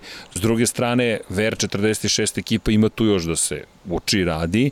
Gresini je sa Aprilia prešao na Ducati, ima je ne u Bastianinija, fakat, ali nekako kompletna organizacija kada pogledaš privatnih timova, Pramak mi deluje kao tim koji ipak najbliži fabrikama. Zato Ma mi da, je toliko Pramak je jednostavno kao, važno. kao da je to samo, samo neka garaža pored fabričkog Ducati. Zaista, zaista tako izgleda ti motocikli samo imaju drugu boju, jer videli smo na, na, na, na trkama prošle sezone koliko su oni dobro pripreme i koliko iznenađujuće budu dobri na nekim stazama. To je da, nešto što, njihove što, podatke. Da, to je, to je nešto što drugi, drugi, drugi kako da nazovemo, satelitski timovi jednostavno nemaju Znači, Pramak, Ali... je, Pramak je korak iznad ostalih i njihov plasman u šampionatu i sve ove titule koje su uzeli prošle godine, koji si nabrojao, mislim, najbolje govore o tome, ne moramo ništa da pričamo dalje. I znaš ko, šta još tu je mnogo važno? Moje mišljenje, a to je da Ducati takođe ima Pramak i mislim da to mnogo dobro utiče na sam Ducati, jer upravo ovo što si rekao, ti pogledaš iznenađujuće rezultate, fabrički vozači su gledali podatke Jorgea Martina i Joana Zarka, kako su izvalačili to iz motocikala i kako uspevaju to da postignu. Ako pogledaš, niko drugi to nije mogao da učini. Niko, ni Pola Espargaro, ni Mark Marquez u fabričkoj Hondi nisu mogli da uzmu podatke od Aleksa Markeza i, i od Takaki da. Nakagami da kažu čekaj da vidimo šta ste vi to uradili u Yamahi, uzela je Fabio Quartarara, pa više nije moralo da gleda ka privatnom timu. Valentino Rossi prosto na, na, na, na, na kraju svoje karijere. Franco Morbidelli imao stari motocikl, podaci su bili irelevantni. Maverick Vinales se sedeo pored Fabio Quartarara, nije baš dovoljno toga pokazao. A Osim što je pokvario motocikl. Pa da. Osim što je pokvario motocikl pa da. i promenio fabriku. Pa da, vra, ali... vratio ih je jedno tri meseca unazad, ali dobro. Da, to je katastrofa, to, to je, je zaista to, da. katastrofa. Da, on, on, to, to, iako, ajde, bavit ćemo se njegovim trkanjem, ali to je i dalje fascinantno. Da, dobro, ovo čisto kao eto neki, neki presek Yamahe, zato smo sad to spomenuli, ne, Jeste, ali ti ne kao ne... da bismo njega spomenuli, nego jednostavno šta se Yamahi dešavalo. Iz tog dakle, razloga smo to spomenuli, da. Koga smo imali u Teh 3? U Teh 3 smo imali Danila Petruće koji je bio previše težak da bi mogao da, da, da koristi taj motocikl, samim tim njegovi povratni podaci nisu bili toliko važni i imali smo i Kirle Konu koji je imao previše uspona i padova, a ni fabrički vozači se nisu baš snalazili. Ti kada pogledaš, mislim da je Ducati u velikoj meri tre, treba da čuva taj odnos sa Pramakom. Takođe i naravno je Neu Bastianini da, da maze i paze i da, da vode računa da ga zadrže u svojim redovima. Čovjek deluje fantastično. E sad... Da sad, voze računa. Da voze računa, tako je, da voze računa o njemu, ali sad dolazimo do tog momenta, dakle Pramak istovremeno može ti postane pretnja, tako da će ovo baš biti zabavno. Pramak je meni super. Dakle, kao juče nešto smo se bavili Alfa Romeom, ne, mislim da je Pramak mnogo ispred toga, ali mislim da Pramak, da, da, da, da potajno, ne mogu kažem da navijam za njih, ali potajno se nadam da kao tim nezavisni mogu baš da poremete stvari. Da. Inače, kada već pričamo o drugima, da spomenemo i, i, i Hondu, nova stiže Honda, Mark Marquez se oglasio, nije mala stvar, napisao je, koment, napisao je kompletan jedan blog post zapravo i opisao šta se sve događalo, rekao je da je otišao na Granadu, da je jednostavno pobegao praktično od svega i da to nije bio plan, nego je da jednostavno hteo da se skloni od svih i da je čekao. I kada su mu u januaru, kada, mu, kada dali dozvolu, Sanchez Dalmao, doktor Sanchez Dalmao mu je dao dozvolu, njegov lekar koji mu pomaže, inače još od 2012. sa diplopijom, mu je dao dozvolu da nastavi da trenera, rekao je, onda sam krenuo i na motocross, i na CBR 600, i na karting. Čovjek ne zna što sve više ne vozi deki i osjeća se sve bolje, 65 krugova testa na, na Hondi, jel te, RC 213 VS, ulični motor koji je manje više Moto Grand Prix motocikl, Da, samo bih to da napomenem, jer to je to ono pitanje, krenuli smo i iz početka o tome, hoće li Mark Marquez biti nova zvezda Moto Grand Prix-a, vidjet ćemo, ali ovo je sigurno, ono što je sigurno jeste da će on dati sve od sebe da bude ta nova, ne, ne nužno zvezda, nego da on osvoji titulu, mislim to njemu cilj, ne da bude zvezda, koliko da rezultatima dođe do, do toga da se, da se ne lažemo, pre svega izjednači s Valentinom Rosijem i da vidi da li može više od toga. Rossi ima devet titula, ovo bi bila deveta za Markeza, deseta Neverovatno. E da, 12 plus 1, to je lepo. Na, na pramaku i dalje stoji Angel Nieto, stoji da. njegov znak 12 da, da. plus 1. Jer ko jedini ima više titula od Rossi, Angel Nieto 13, to jest 12 plus 1, bio je sujevaran, nije volao da ne kaže 13. I naravno, Giacomo Agostini sa 15 titula. Tako da Marquez ima još šta on da uradi, čime da se bavi. Da li sad baš može do 15, nisam siguran. Mislim da će deveta biti vrlo teška, ali ne i nemoguća. U svakom slučaju, uh, pozitivno, eto, da, da, da, da ne zaboravim da se čovjek oglasio, što nije mala stvar, nekako toliko je bilo tišine, mada kad sad bolje razmislim, deki mi još uvijek ništa ne znamo, mi ćemo tek ovog vikenda saznati nešto više. Jo, ja da čekam sledeći podcast, da čekam ovaj vikend da, da, da, da, da, da ispratimo vremena, da vidimo zaista šta se tu kuva, naravno opet Katar će doneti neka druga priča i neka druge ajde reći kažem iznenađenja, ali Katar je specifična staza, ali opet još samo malo, da inače peti i šesti su datumi za testiranja, četvrtog će se predstaviti Suzuki, ako se ne varam Suzuki bi trebalo da predstaviti motocikl četvrtog, ima tu još prezentacija zvaničnih, poslednja će predstaviti zvanično svoje boje Honda zapravo, mada ne vidim šta će se tu promeniti, pisaće Repstol. Kao prezentujemo boje, okej. Okay. Ali dobro. Ali eto, uf, Dobro, dobro. Inače, Simon Krefer imao super izveštaj. Kaže, njegovo mišljenje, pet razloga zašto bi trebalo svi da, da budemo uzbuđeni.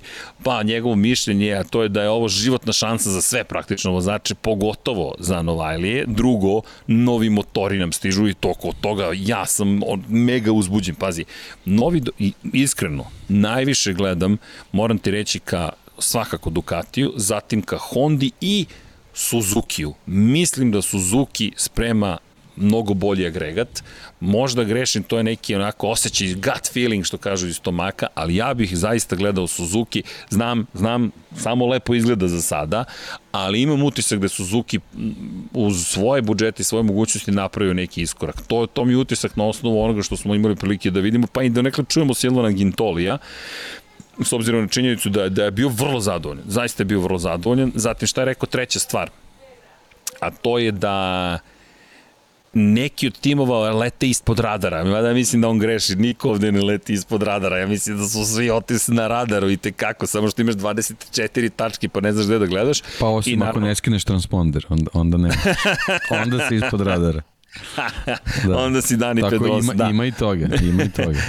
ali to mu, je, to mu je teorija ispod radara. Razmišljam, ne vidim da iko ispod radara vidi ovde, svi su se proširili, samo sede što širi mogu da budu da kažu ja sam stigao i mislim da će ih Raul, da to ti super zaključak, da će ih Fernandez sve naterati da se, da se svi šepure više, ali tu Martina gledam i povratak Marka Markeza i konačno to što smo se vratili na stazu i vratili smo se na stazu.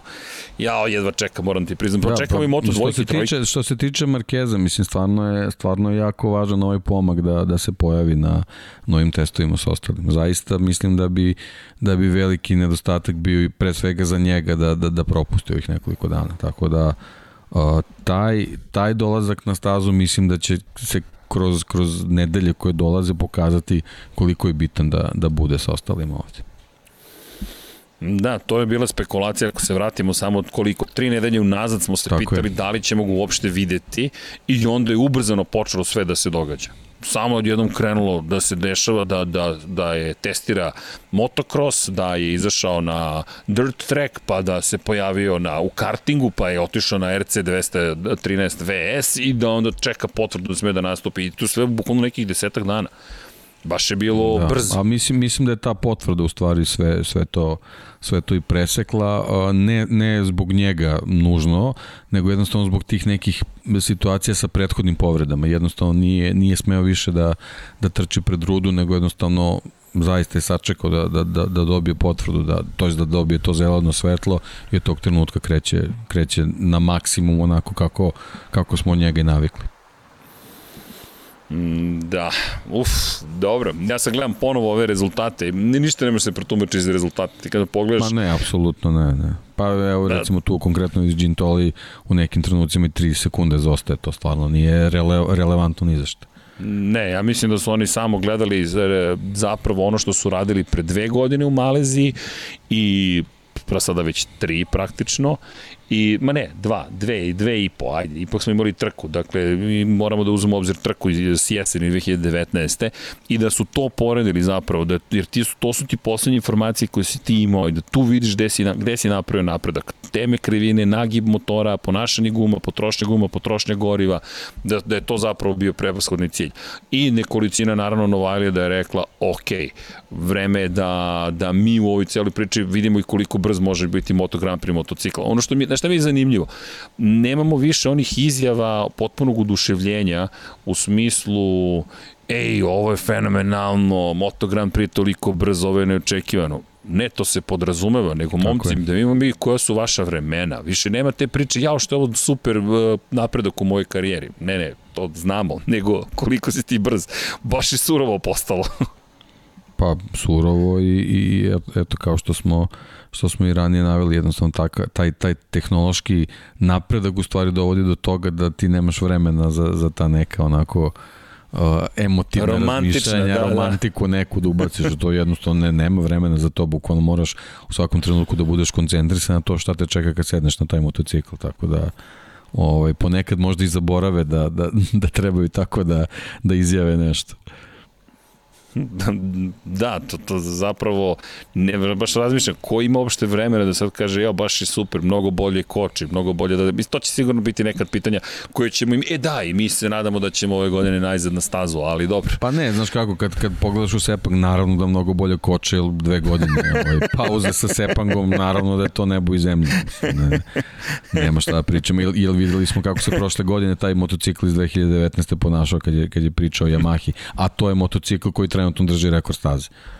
Znači, da, apsolutno jasno da, da, da, da, od tog rekorda nema više ništa u najbližoj budućnosti. Sve da. pitanje ko će da ga da. obriše i kojom brzinom i u kom trenutku da. će prvi put da padne. Ali da, ali dobro, Malezija kad dođe na red, nadam se da će doći na red, da, to je da ćemo imati, ček samo podsjećanje radi, Malezija, tačan datum velike nagrade Malezije, 23. oktobar, dakle do tada zvanični rekord će biti obrisan tada ako se vratimo. To će biti predposlednja trka sezone 21 imamo, ali u ovo testiranje takođe će biti obris, biće obrisano gotovo sigurno. Mislim da će to biti cilj za kraj, samo da se neko odjavi i da kaže, eh, ajde sad da vam pokažemo kojom brzinom može zapravo motocikl da se kreće. Inače, čisto da, da, da, da upotpunimo sve informacije kada govorimo o Moto Grand Prix i kada govorimo o, o tom konkretno rekordu, staza u Maleziji, Valentino Rossi 1.59.661 u samoj trci, a kada je reč o Fabio Quartararo 1.58.303 je vreme koje je najbolje vreme koje je ikada zabeleženo zapravo u koje je zvanično zabeleženo te godine. To je 2019. to je poslednji put. 1.58 da, što, što znači da je Fabio bio na starom motociklu tada? I, uh, da, tako znači, je. to je motocikl iz 2018. To je motocikl iz 2018. zapravo. Znači sad, da. trebamo, sad trebamo da razmišljamo da li će motocikl za 2022. dobori vreme motocikla iz 2018. da li misliš da trebamo da razmišljamo uopšte to? e, ne, samo je pitanje... Posebno ko će... kad, kad, je, kad je reč o prolasku kroz, kroz brze krivine kojih ima u Sepangu. Samo je pitanje ko će prvi da vozi ispod 1.58. Bukvalno sam ubeđen da. da će to biti cilj. Inače, Zna, a je se sećaš, znam da, da, da smo se pripremali proverali vremena, ali da li se sećaš ko drži rekord po pitanju maksimalne brzine? Ne koliki je, nego samo da li znaš, da li se sećaš ko je rekorder? Ne znam, ne znam, ne mogu Andrea napraviti. Janone. Eto, da, da, da. Iz 2015.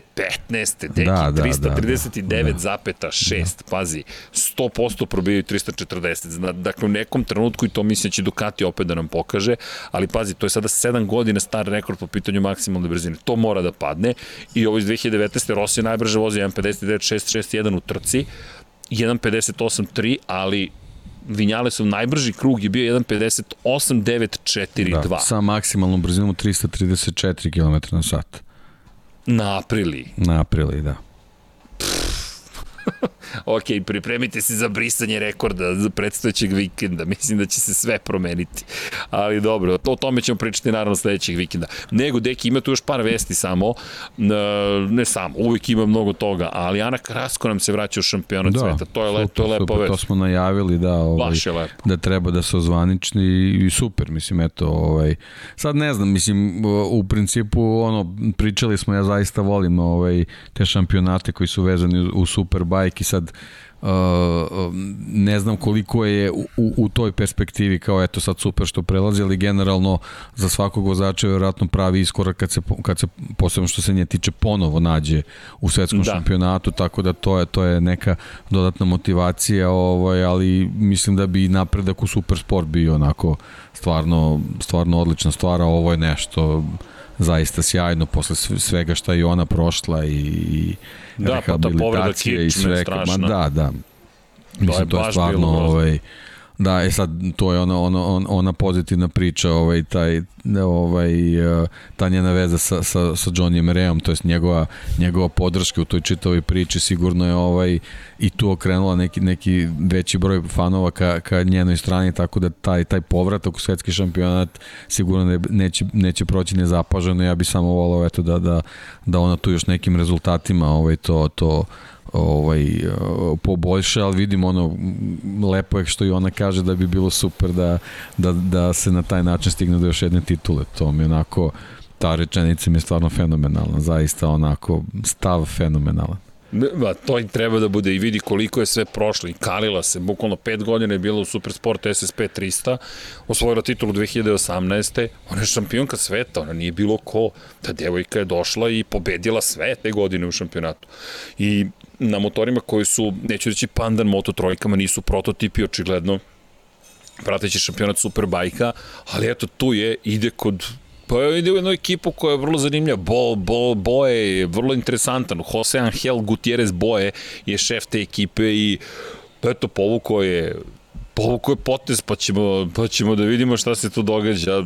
Imamo tu potpuno, bukvalno, imamo potpune promene ono što je zanimljivo, ne može da, David Munjuz ne može da vodi, vozi u prvih sedam trka za tu ekipu, tako da ćemo imati Ger, Ger, Gerarda Riua, zapravo koji će, koji će biti na stazi, i onda imamo i Davida Munjuza kao buduću zvezdu, tako da to uopšte nije naivan tim. Ove godine se zove Boje SKX i svi su uzbuđeni da, da, i svakako ovo marketnički takođe potez iza njega. Ana Karasković sad skreće pažnju na sebe, mi je spomenjam da, zato što je dama, ali zato što je dama koja je svojila titulu, zato što da, je dama koja je brza. Koja...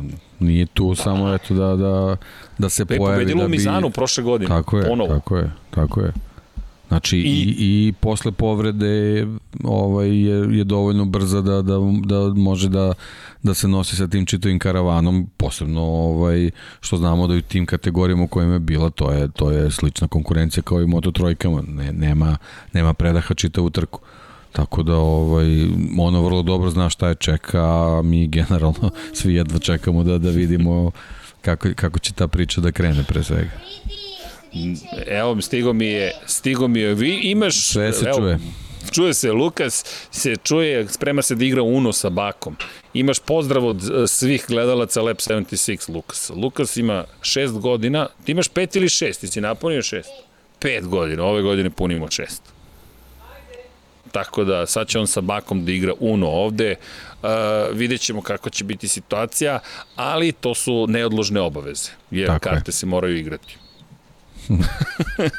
Tako da je sve okej. Okay. Ali da, da iskoristimo priliku, deki, da se zahvalimo našim pokroviteljima, da iskoristimo vanjin snimak, taman ja mogu da popijem malo vode i da iskoristim šansu za sve one koji ne znaju, patreon.com kroz Infinity Lighthouse, svaki, svaka podrška nama i tekako znači, tako da ukoliko ste u mogućnosti, sjajno, shop.infinitylighthouse.com takođe i naravno join možete da kliknete taj znak dolara u četu i da, naravno, super neki uplatite, ali kako god podrška svaka znači. E, inače, pa i like, je, i like je podrška. I like je podrška, tako je, algoritam, opet cijela priča, subscribe i sve ostalo. I naravno, join smo uveli prošlog meseca, tako da to možete se pridružiti i na YouTube-u. I još jedna bitna stvar u ovoj cijeloj priči, o, kada se vratim, ja mislim da će to tačno da od 15. kreće novo sponzorstvo OMV-a, tako da eto, imate pozdrave do OMV-a, zahvaljujući vama i vašoj podršci, OMV rekao, čekaj, ovo je ozbiljan podcast. Ili ako to nisu rekli, ja ću to tako da protumačim. Ali hvala i njima za podršku. Elem, Vanja, da ne odem ja u digresije, digresija, digresija. Ako si spreman, evo imamo i avione koje nadleću, odri da se zahvalimo našim pokroviteljima. A sada po, poseban pozdrav za naše pokrovitelje na Patreonu, patreon.com kroz Infinity Lighthouse i krećemo sa Sava, Toni Ruščić, Mario Vidović, Ivan Toškov, Stefan Dulić, Marko Bogovac, Ozan Prpić, Marko Mostarac, Nikola Grujičić, Aleksa Vučaj, Zoltan Mezej, Zoran Šalamun, Miloš Banduka, Laslo Boroš, Đorđe Radojević, Ivan Simeunović, Mihajlo Krgović, Nenad Ivić, Nikola Božinović, Monika Erceg, Omer Kovačević, Filip Banovački, Miroslav Vučenić, Predrag Simić, Žorž, Stefan Vidić, Mlađan Antić, Jelena Mak, Mladen Krstić, Marko Ćurčić, Ćurčić, Milan Nešković, Ivan Maksimović, Bojan Mijatović, Petar Elić, Stefan Prijević, Nenad Simić, Luka Savović, Andrej Božo, Boris Gvozden, Boris Kolubar, Zoran Vi, Zorana Vidić, Luka Vanihtašević, Ljubo Đurović, Borko Božunović, Đorđe Andrić, Aleksandar Gošić, Mirjana Živković, Nemanja Miloradović, Miloš Vuletić, Vukašin Vučenović, Ognja Marinković, Miroslav Cvetić, Marina Mihajlović, Veselin Vukićević, Jelena Jeremić, Antonio Novak, Stefan Milošević, Nikola Stojanović, Jasenko Samržić, Mihovil Stamičar, Stefan Nedeljković, Zoran Majdav, Josip Kovačić, Lazar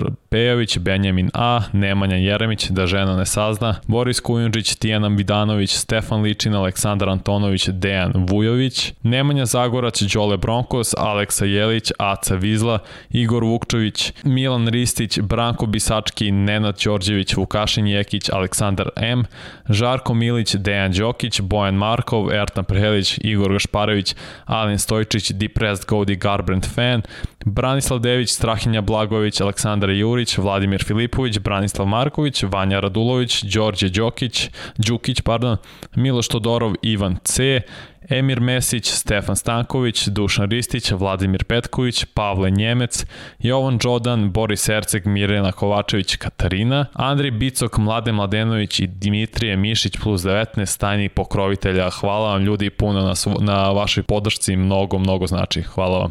A sada... Ćao ljudi.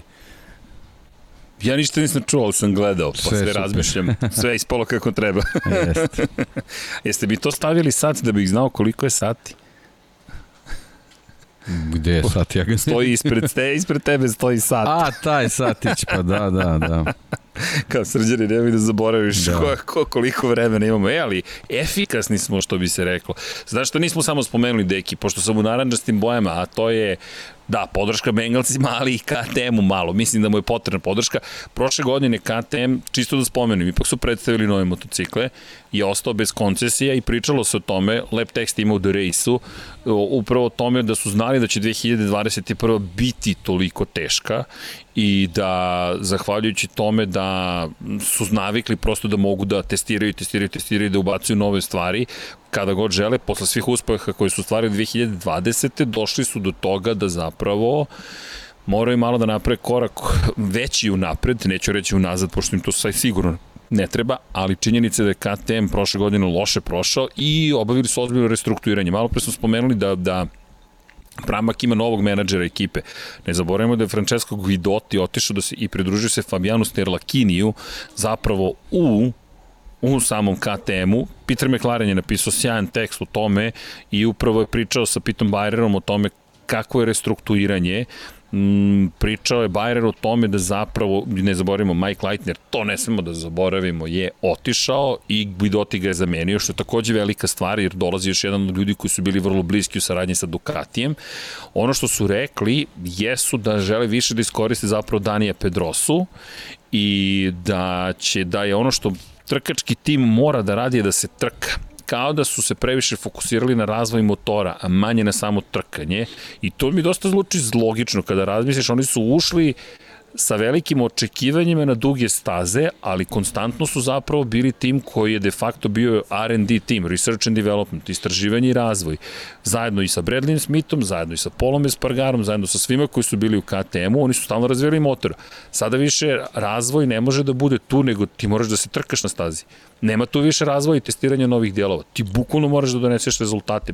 Zvuči mi dosta logično, racionalno. Pa da, delo je kao da ti u stvari te, ta neka, ovaj, te neke ustupke koje imaš dok si nov u, u čitoj priči, kao da je to neki mač sa dve oštrice. Znaš, ti se jednostavno nekako uh, navikneš na, na ritam koji imaš u, u tom razvoju i, i istraživanju i onda kad ti dođe sezona gde ostaneš bez svega toga, bez, bez, bez svih tih povlastica koje imaš tokom sezone, ovaj, ako nemaš uh, prave ljude koji mogu da te, da te usmere uh, na taj način da, da ono, trkački tim da se trka, razvojni tim da razvija, da dođeš možda u neki u neki procep kad se desi neka nepredviđena situacija, a ona se očigledno desila na početku sezone njima gde ta, ta šasija nije baš najbolje funkcionisala, da su jednostavno ostali kratki za neke, neke sate istraživanja koje, što se jednostavno, pošto je to sport visoke tehnologije, bukvalno već na sledećoj trci se videlo, ovaj, videli su se tragovi toga da, da u stvari nisu imali dovoljno vremena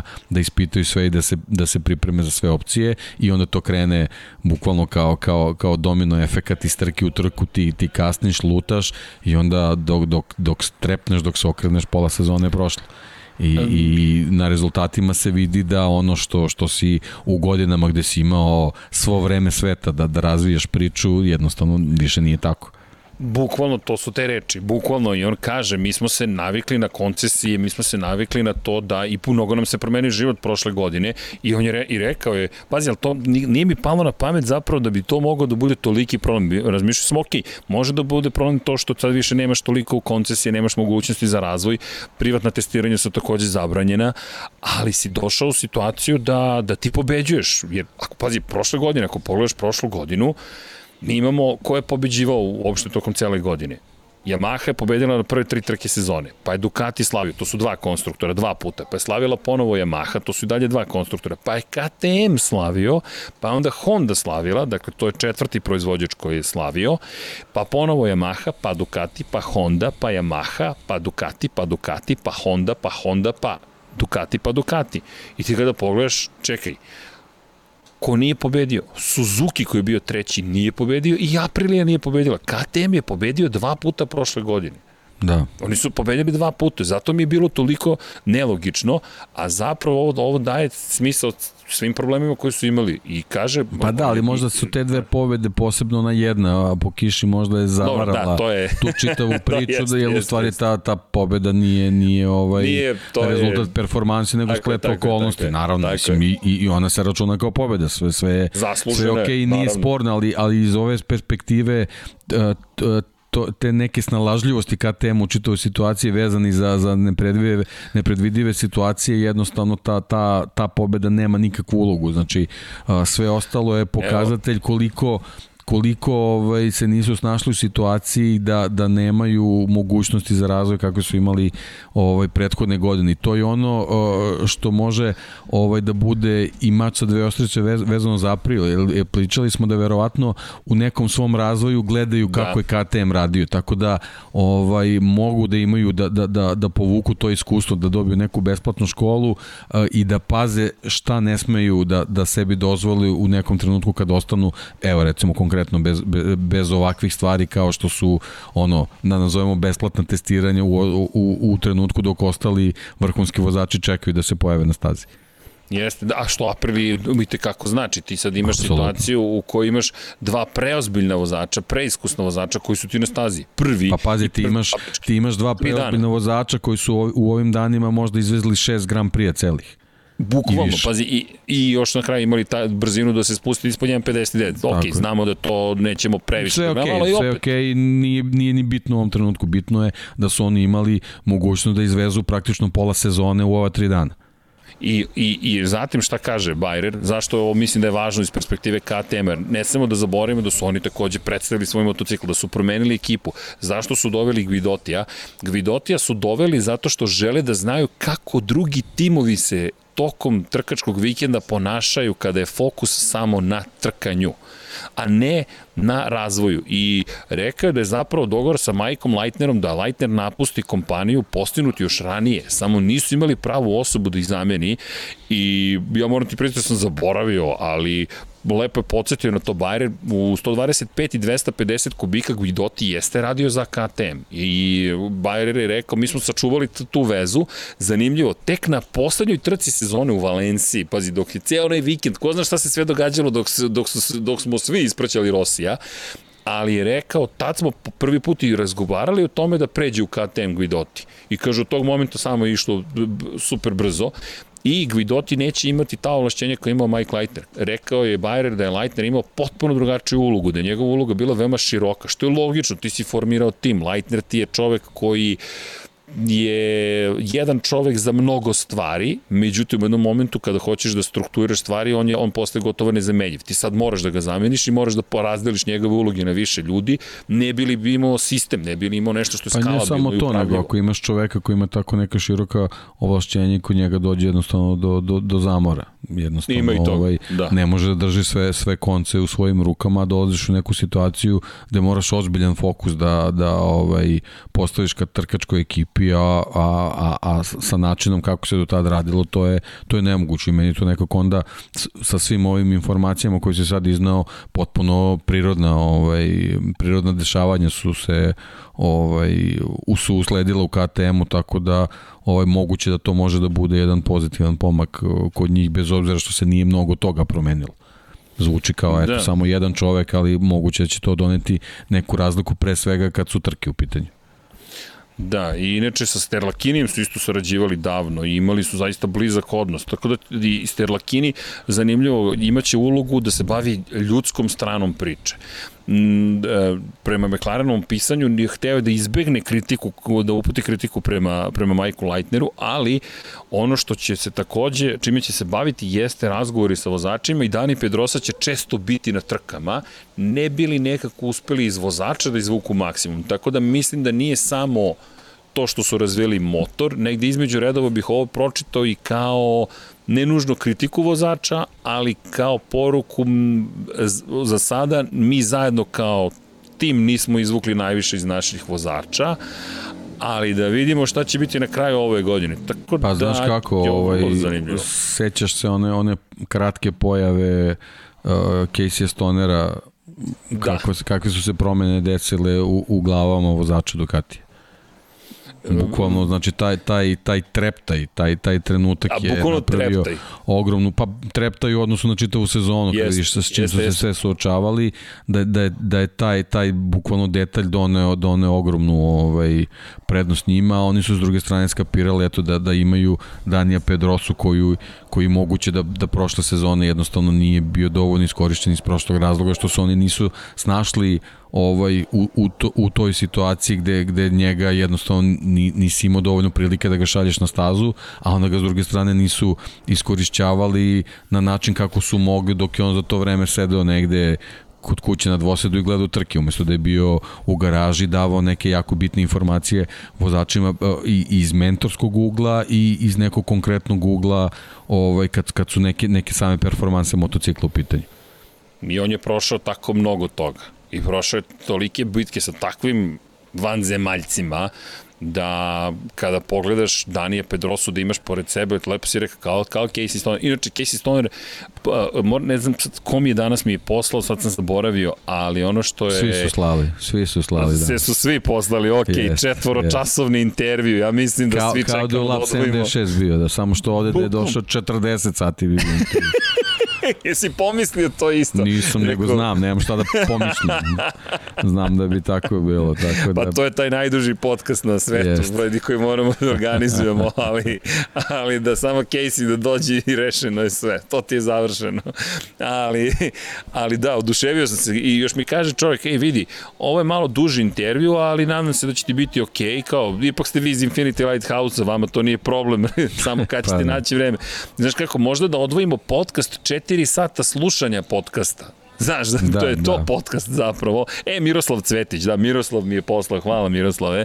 I to je inače Gypsy Tales podcast i topla preporuka, ja ću da podelim o, i u četu, zato što zaista mislim da ovo treba da poslušaju svi koji vole Moto Grand Prix. Još nisam stigao ni da pustim 4 sata, treba naći, naći treba ću naći za Casey sata, da. Da, ali za Casey ja mislim da je ovo, da, da, jer jedini i poslednji intervju koji sam imao sa njim 2012. godine, je tada toliko se otvorio za pola sata, ne znam ni da zamislim šta je sve ispričao za 4 sata. Što kaže Miroslav, mislim da za celu karijeru Moto Grand prevozača nije toliko pričao Pa nadam se samo, samo da nisu pričali o pecanju, onda, onda je vidi, od, ta 4 sata, 3 sata je pecanje, tako da vidi, moram da ti spomenem, ne, ali neće ti se nužno dopasti onda početak. Početak je o golfu, tako da... A, pa okej. Okay.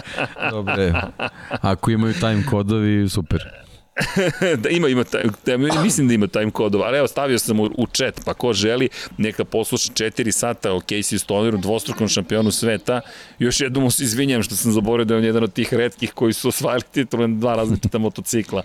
Ali, ali činjenica je da je stvarno jedan od velikana ovoga sporta i, i, i to što ima da kaže treba saslušati, siguran sam, još nisam uspeo, ali eto, tako da, da ne zaboravim taj moment, nekako svi su reagovali na taj intervju, samo govori o, o, o Casey Stoneru.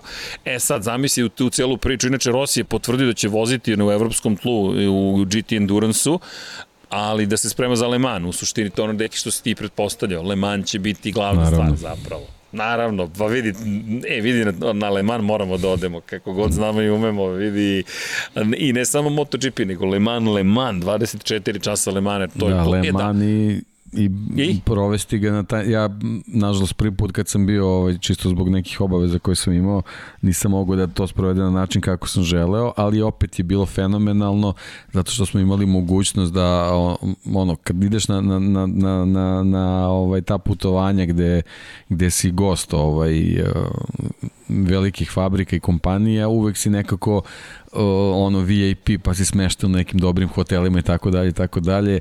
Meni je bilo fenomenalno kad smo bili na, na Le Manu, ovaj, bukvalno smo spavali u kontejner, kontejnerima gde spavali ah, vozači super. i mehaničari, bilo je fenomenalno, ali moja je generalno želja da Le Mans proveden 24 sata na tribinama. Eto, to je, to je nešto što, što bih voleo da, da uradim. Da. Super. Ako ste čuli Uno, pao je Uno ovde. To, Lukas. Odlično. Pao je Uno. e, tako da, da, ovde se pobeđuje se Baka trenutno. Deka, Deka čeka svoj red. Ali to bi bilo lepo na tribinama ispratiti onako navijački i Dobro, ko zna, možda budu imali nekog svog predstavnika jednog dana na 24 časa Alemana, zašto da ne? Sa brojem 76, Infinity Lighthouse Team, Racing Team. Ne zvuči što loše, ali, ali deki, da ne. ne znam da li bi se izvukao, mislim da bi ti bio u garaži u tom slučaju, da ne pa znam gde kako god, bi samo da bude 24 sata. To, to može, može, može, da. može. Vanja, pamti ovo, stavi time kod, molim te, o, o, o istorijski moment. Ali kada je reč, da samo da zaključim ovo ka temu, dopada mi se kako su pristupili celoj priči i kako idu ka tome, rekao bih da, da sistematično zauzmu poziciju, jer dve pobede, bez obzira, jedna jeste bila velikoj meri sreća, ali ona pobeda u i Miguel Oliveira delovala je kao da je KTM rešio svoje probleme. I uz rad kakav Bayer obično vrši, deluje mi iz dolazak Fernandeza koji mislim da će malo perije, jel te, da, da leti perije po garažama, pa i ovo što su otpustili Leitnera je jasna poruka svima, niko nije nezamenjiv u KTM-u, dokle god se ne dođe do pobede, menjaće se, menjaće se menjaće se. Tako da, da, da meni se dopada to što sam čuo i mislim da od KTM-a takođe treba očekivati jedan vrlo ozbiljan rad. E sad i dalje sam malo skeptičan po pitanju Olivire, pa sada već i Bindere, ako sam na njega se kladio na neki način, ali dobro, vidjet ćemo. I da, ima još jedna vest, da, ne znam da li ste to ispratili, da li, da li, da ja sam slučajno video tu, tu vest, moram prijeti da nisam ispratio Moto dvojke i trojke dovoljno, ali Kit Hueven je pričao o tome da će da se uvodi, testira se zapravo novi sistem za automatsko upozoravanje vozača u Moto Grand Prix-u, i posle tragedije koje smo imali u Moto3 šampionatu, pa i u SSP 300, ono što smo pričali nekako da se uvede automatski sistem za, za upozoravanje, rade na tome i Danny Aldrich, tehnički direktor zapravo Moto Grand Prix-a je rekao da planiraju da ga testiraju u Moto3 i Moto2 kategorijama. Tako da su to baš velike vesti. Onako deluju kao sitne, ali kao Oreol svoje vremeno, nadam se da će ovaj sistem pomoći da zapravo samo budemo zahvalni što postoji neki sistem. Da, hajde da, hajde da vidimo šta će da, šta će da, da, ovaj, da reši, šta će da donesu. Da, dr, samo držim palčeve, ali eto, da spomenemo da će to testirati, mislim da je to prilično velika stvar i da, hajde da, da ispratimo, da vidimo šta će se tu sve, sve, sve tu događati. Da. Ha razmišljam sada i o Petrućiju. Petrući koji je otišao iz teh tri ekipe i postao zvezda Dakara, ali dobro. To je, to je neka makar uteha ako ništa drugo. Ne, neko mi sad pao na pamet Petrući kad sam pričali svemu ovome i, i KTM-u, ali to je isto neka poruka koju KTM šalje. Ok, možda nećeš biti tu, ali ćemo gledati da se podržimo negde gde se eventualno uklopoš u ono što je nama takođe potrebno. Pa dobro, generalno, znaš, ono, svi, svi ono, imaju neke snove, ovaj, ali eto, može da se desi da, da neke dobre karijere ovaj, krenu kad, kad, kad se ti snovi završe pa se nađeš u nekom drugom okruženju. Eto, mislim, generalno što se Petruće tiče, on je ispunio taj neki san što se tiče pobeda na Ducati u, u, Moto Grand Prix, ali ova avantura sa, sa KTO na, na Dakaru možda eto da, da njemu otvori neke nove horizonte i, i, i, ko zna, mislim, može zaista da postane velika zvezda tamo gde možda nije sanjao da će se ikad naći, tako da ovaj, posle svega šta se izdešavalo, mislim da, da na, na ovu priču ovaj, sa Dakarom vezano za, za, za Petruće treba samo gledati ovaj, iz pozitivnog ugla. Jasno. Dobro, vidjet ćemo ko će u penziju na kraju ove godine. Sve nešto penzioneri. Eto i Brady otišao u penziju čovjek. Eto. Godina penzija. Dobro, dolazak nekih novih momaka. Joe Barrow neki se Pa da, ali dobro, generalno ta, ta pandemija, te, te dve godine nekako vakuma je donalo do toga da neki momci koji su možda i ranije trebali da, da se povuku, da, da, da su ostali tu, pa nas je sad zadesila ta, ta ovaj, poplava tih ovaj, završetaka karijera, ovaj, što bi verovatno bilo malo onako razloženije da, da je bila normalna situacija i možda baš zbog, zbog svega što nam se izdešavalo neke stvari se emotivnije ovaj, i gledaju, ali, ali generalno kad, kad tako veliki, veliki ovaj, sportisti kao što su i Rossi i, i Raikkonen i, i Brady ovaj, siđu sa, sa velike scene, onda naravno da, da, da, da neke emocije krenu, a posebno kad se to desi u kratkom vremenskom periodu. Pa vidi, ovaj, nismo, poremeće, pa deki. nismo nekad spremni na sve to, da, da, da. Što da, reče, da, pričamo... pa, i, što reče pa i neka su zakrene, ko zna šta će tu se desi. jeste, jeste, ali, ali razmišljam pa, da. samo, razmišljam i u našim godinama, deki, moram ti priznati, razmišljam, čekaj, kako oni ide u penziju, šta se to znači za nas? Pa čekaj. Pa vreme je da im idemo u penziju. to, da. to ti kaže. Pa, da. Ali bojim se da smo mi tek pa krenuli ne, neki Nema tu beneficirnog staža. nema, nema, da. nema, nema. Ali da, Brady dobro, Brady je isekao najbrže no nije ni nigde ništa nije slutirano to da, da će ići u penziju samo rekao. Pa da, ali generalno vidiš kakve su to penzije, mislim Rossi već najavljuje 24 sata Le Mana, Kimi se angažuje u motokrosu, sad za Brady samo Sve čeka samo da, ne. da preuzme ekipu neku da ga vidim sa strane kako pravi Vidi, kombinacije. Denver Broncosi se prodaju, da. tako da ko pa zna. Pa eto, eto vidiš. Denver Broncosi, eto to, to bi bio novi izazov da kao vlasnik ili Ili vlasnici dobiju prstenje u NFL. Ja mislim da i oni dobijaju. Evo, da Vanja, Gen... Vanja, znači još, još tri, tri mesta na, na, na, na šakama, da, da, da. tako da... Da, dobro, kao da već nije dovoljno svoju, ali dobro, verujem, kad, ali to ono što je rekao, prosto želiš da pobeđuješ. I rekao, nije spreman za, da, za posvećenost 100% i to i Rossi pričao.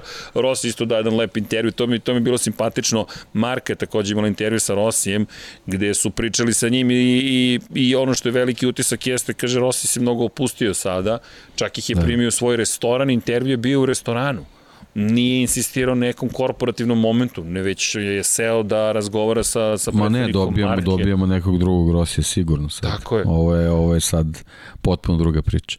A sad dakle, nešto pade na pamet kad, kad smo kod Brady, ovaj, on je imao onako prilično dobre sponzorske ove veze sa Aston Martinom, tako da ko zna šta to Ej, sve može da se desi. Ko zna, vidi, zašto da ne. Vidi, nećemo se buniti, Jordan je u NASCAR-u, da. bio je u Superbajku, zašto da ne.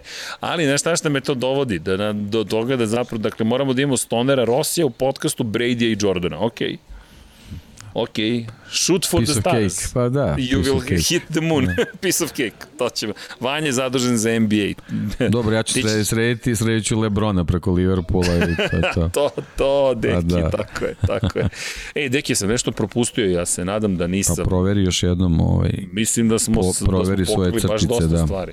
Da, da, da, i notes, pa i ono što sam uspeo da... A uvek ima milijardu nekih stvari, tako nađeš na nekim sajtovima neke informacije, pa se čuješ sa nekim ljudima, pa ti neko nešto javi, pa spomene da Katar, u velikoj su svi pripremi za Katar, inače, um, apropo testiranja u Formuli 1, pričao sam sa Dornom da pitam kakva su pravila što se tiče PCR-a, jer tu, pazi, niko ne piše o tome kod Dorne, Formula 1 je to objavila kao saopštenje, pa je to bila vest, ali za Dorne rekla da ne traži vakcinaciju, već što se nje tiče negativan PCR test ti je neophodan da možeš da uđeš u padok. I to je to. Tako da to, to je ceo stav koji ima za ovu godinu. Još se ne zna da li će biti dozvoljeni gosti ili ne. Međutim, ne... Pa dobro, ne, znaš kako, to sad možda nije samo ni do Dorne, zato što je danas je bila konferencija za štampu u Svetskoj zdravstvenoj organizaciji gde, gde su gde će uskoro izaći preporuke prema njihovim najavama da će bukvalno svaka zemlja dobiti dozvolu da se sama ovaj u predstavljućem pa da. pre, periodu pripremi za odbranu od, od, od COVID-a, tako da mislim da neće biti to samo na organizatorima takmičenja, tako da će A, i od da, država gde su takmičenja da zavisi. Tako je, tako je. Da, ne, da. To, to je drugo, jer Dorn, ja sam pitao Dornu kao šta, šta su njihovi planovi. Oni pa jeste, ali ti ako, ako budeš imala, imao zemlju gde, gde ne možeš da uđeš ako nisi vakcinisan, na primer, tako je. Njihova, ali... njihova odluka apsolutno je bezvredno u tom trenutku. Jeste, ali da. samo prosto... Dajem samo kao prenosim... primer, mislim, ne, nije ništa Na, ne, ti si to posto, da. posto u pravu, jer vidi ka, kako je išao razgovor. Bukvalno smo pričali o tome kako funkcioniše i odgovor je bio biće negativan PCR test, ali oni su odmah napomenuli, ali, srđane, to ne znači da mi možemo ti pomognemo u ulazka u zemlju. Zemlja definiše pravila ponašanja na njenom tlu. Kada dođeš u tu zemlju, ti moraš poštuješ pravila. Kada stigneš do staze, onda važe naša pravila. Što se nas tiče, treba ti negativan PCR test i to je to. Ali što ti kažeš, u većini da. slučajeva moraš da budeš ili vakcinisan ili da prođeš karantin da bi mogao da uđeš u neku zemlju. Za sad tako je tako. Da, eto, e, sad. da, update za sada, eto, to, ali tako da je. prosto budemo novinari da, da, da se potrudimo da imamo informacije koje ja makar nisam vidio da iko preneo.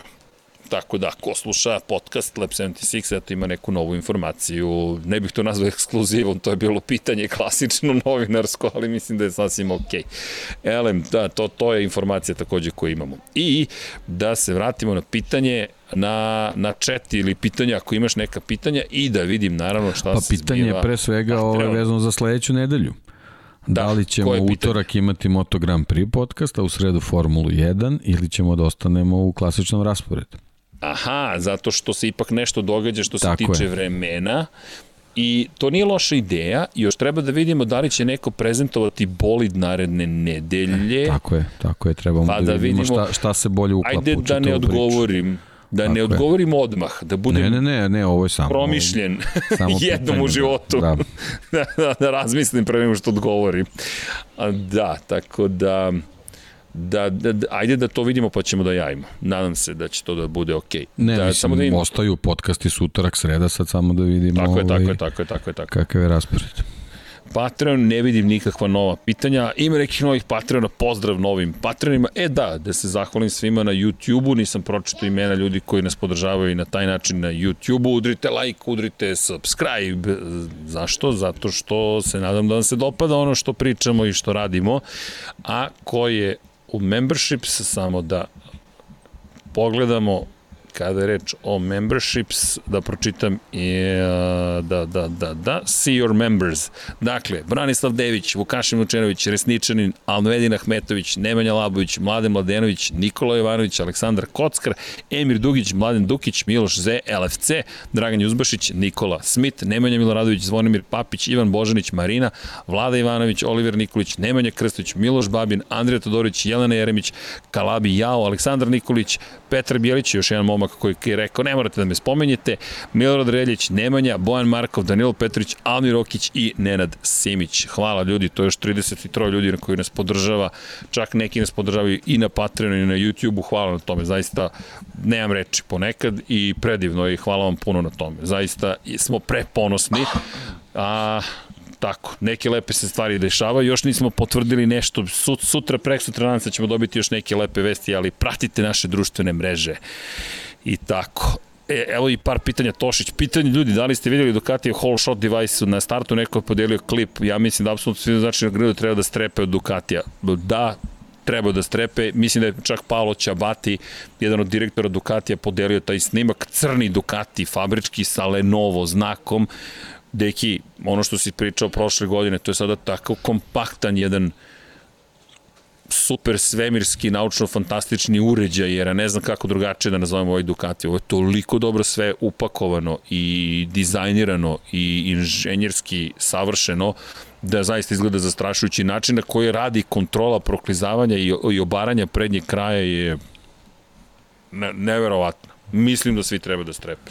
Pa, pričali smo već večera, znači jednostavno ako su uspeli da uklope sve komponente da funkcionišu kako treba, Biće stvarno teško drugima. Zaista. Jer vidi, ako, ono, pa to, ako su povećali snagu, elektronika radi tako kako radi, to je ludilo. E, inače, Boris Trutin, pozdrav za Katar, smo još uvek na zelenoj listi, znači sama vakcina bez PCR-a i karantina. Dobro, Boris, je li to a, samo poziv za Katar? Pa ništa, moramo pišemo Dorni da pitamo da li, da li je moguće da dođemo. Aki Vujki pita Srki kada će pregled sezone. Deki, Ako, A, da, da, to, to smo obećali. Smo to obećali. Obećao si u stvari, ne, dobe, ograđujem se. Ali ni, ni, ni, nisi odbio moje da, obećanje. Nisam, ne, ne, ne. nisi. Ali, Dobro, bio sam opravdan osut, odsutan u nedelji kad je trebalo to da se desi, tako da eto. Jeste, neki nam nije bio dobro, da. narednog vikenda, to je prošle nedelje sam ja morao da se spakujem i da dođem u Čile, nije da mi je teško, ali moram mamu i tatu da vodim kući, da im pravim društvo u povratku, ali se zabavljam, lepo je, lepo vreme, tu su klinci, juče bio roštilj, zabavno je, ali Deki, znaš šta mi je palo na pamet? Nismo zaboravili Aki, zaista nismo zaboravili. Znaš šta sam razmišljao? Da vikend, to jest sreda pre početka sezone, bude najava nove sezone. To mi nekako zvuči logično. Pa može kao Jer ćemo imati najviše da. informacije. A da. se, e, nedelju pre da uradimo podsjetnik na to, to. sezonu. Da. I onda smo pri, podsjetili šta se desilo prošle godine i već naredne nedelje pričamo o tome šta nas čeka ove godine. I mislim da to može da bude čak i logična priča, ako već nismo uradili odmah po završetku, da čak mi zvuči bolje da uradimo pregled sezone pred početak nove, jer, hej, ljudi, da se podsjetimo šta smo to gledali. Kako vam to zvuči? Eto, to je pitanje za, za ljude na podcastu. Mada vidim da se ovde priča o, i o, ovde je već neki duel Stoner, Marquez, Fabio i tako dalje. E, Tošić pitanje, pričalo se da Quartararo pregovara sa Hondom, da li ga vidite u Hondi? Sve ja ga vidim bilo gde. Honda. E, to to, Deki, baš me zanima šta ti kažeš. Quartarara vidim bilo gde, mislim da da je jednostavno takav profil vozača da, da, da je užasno prilagodljiv svakoj kombinaciji.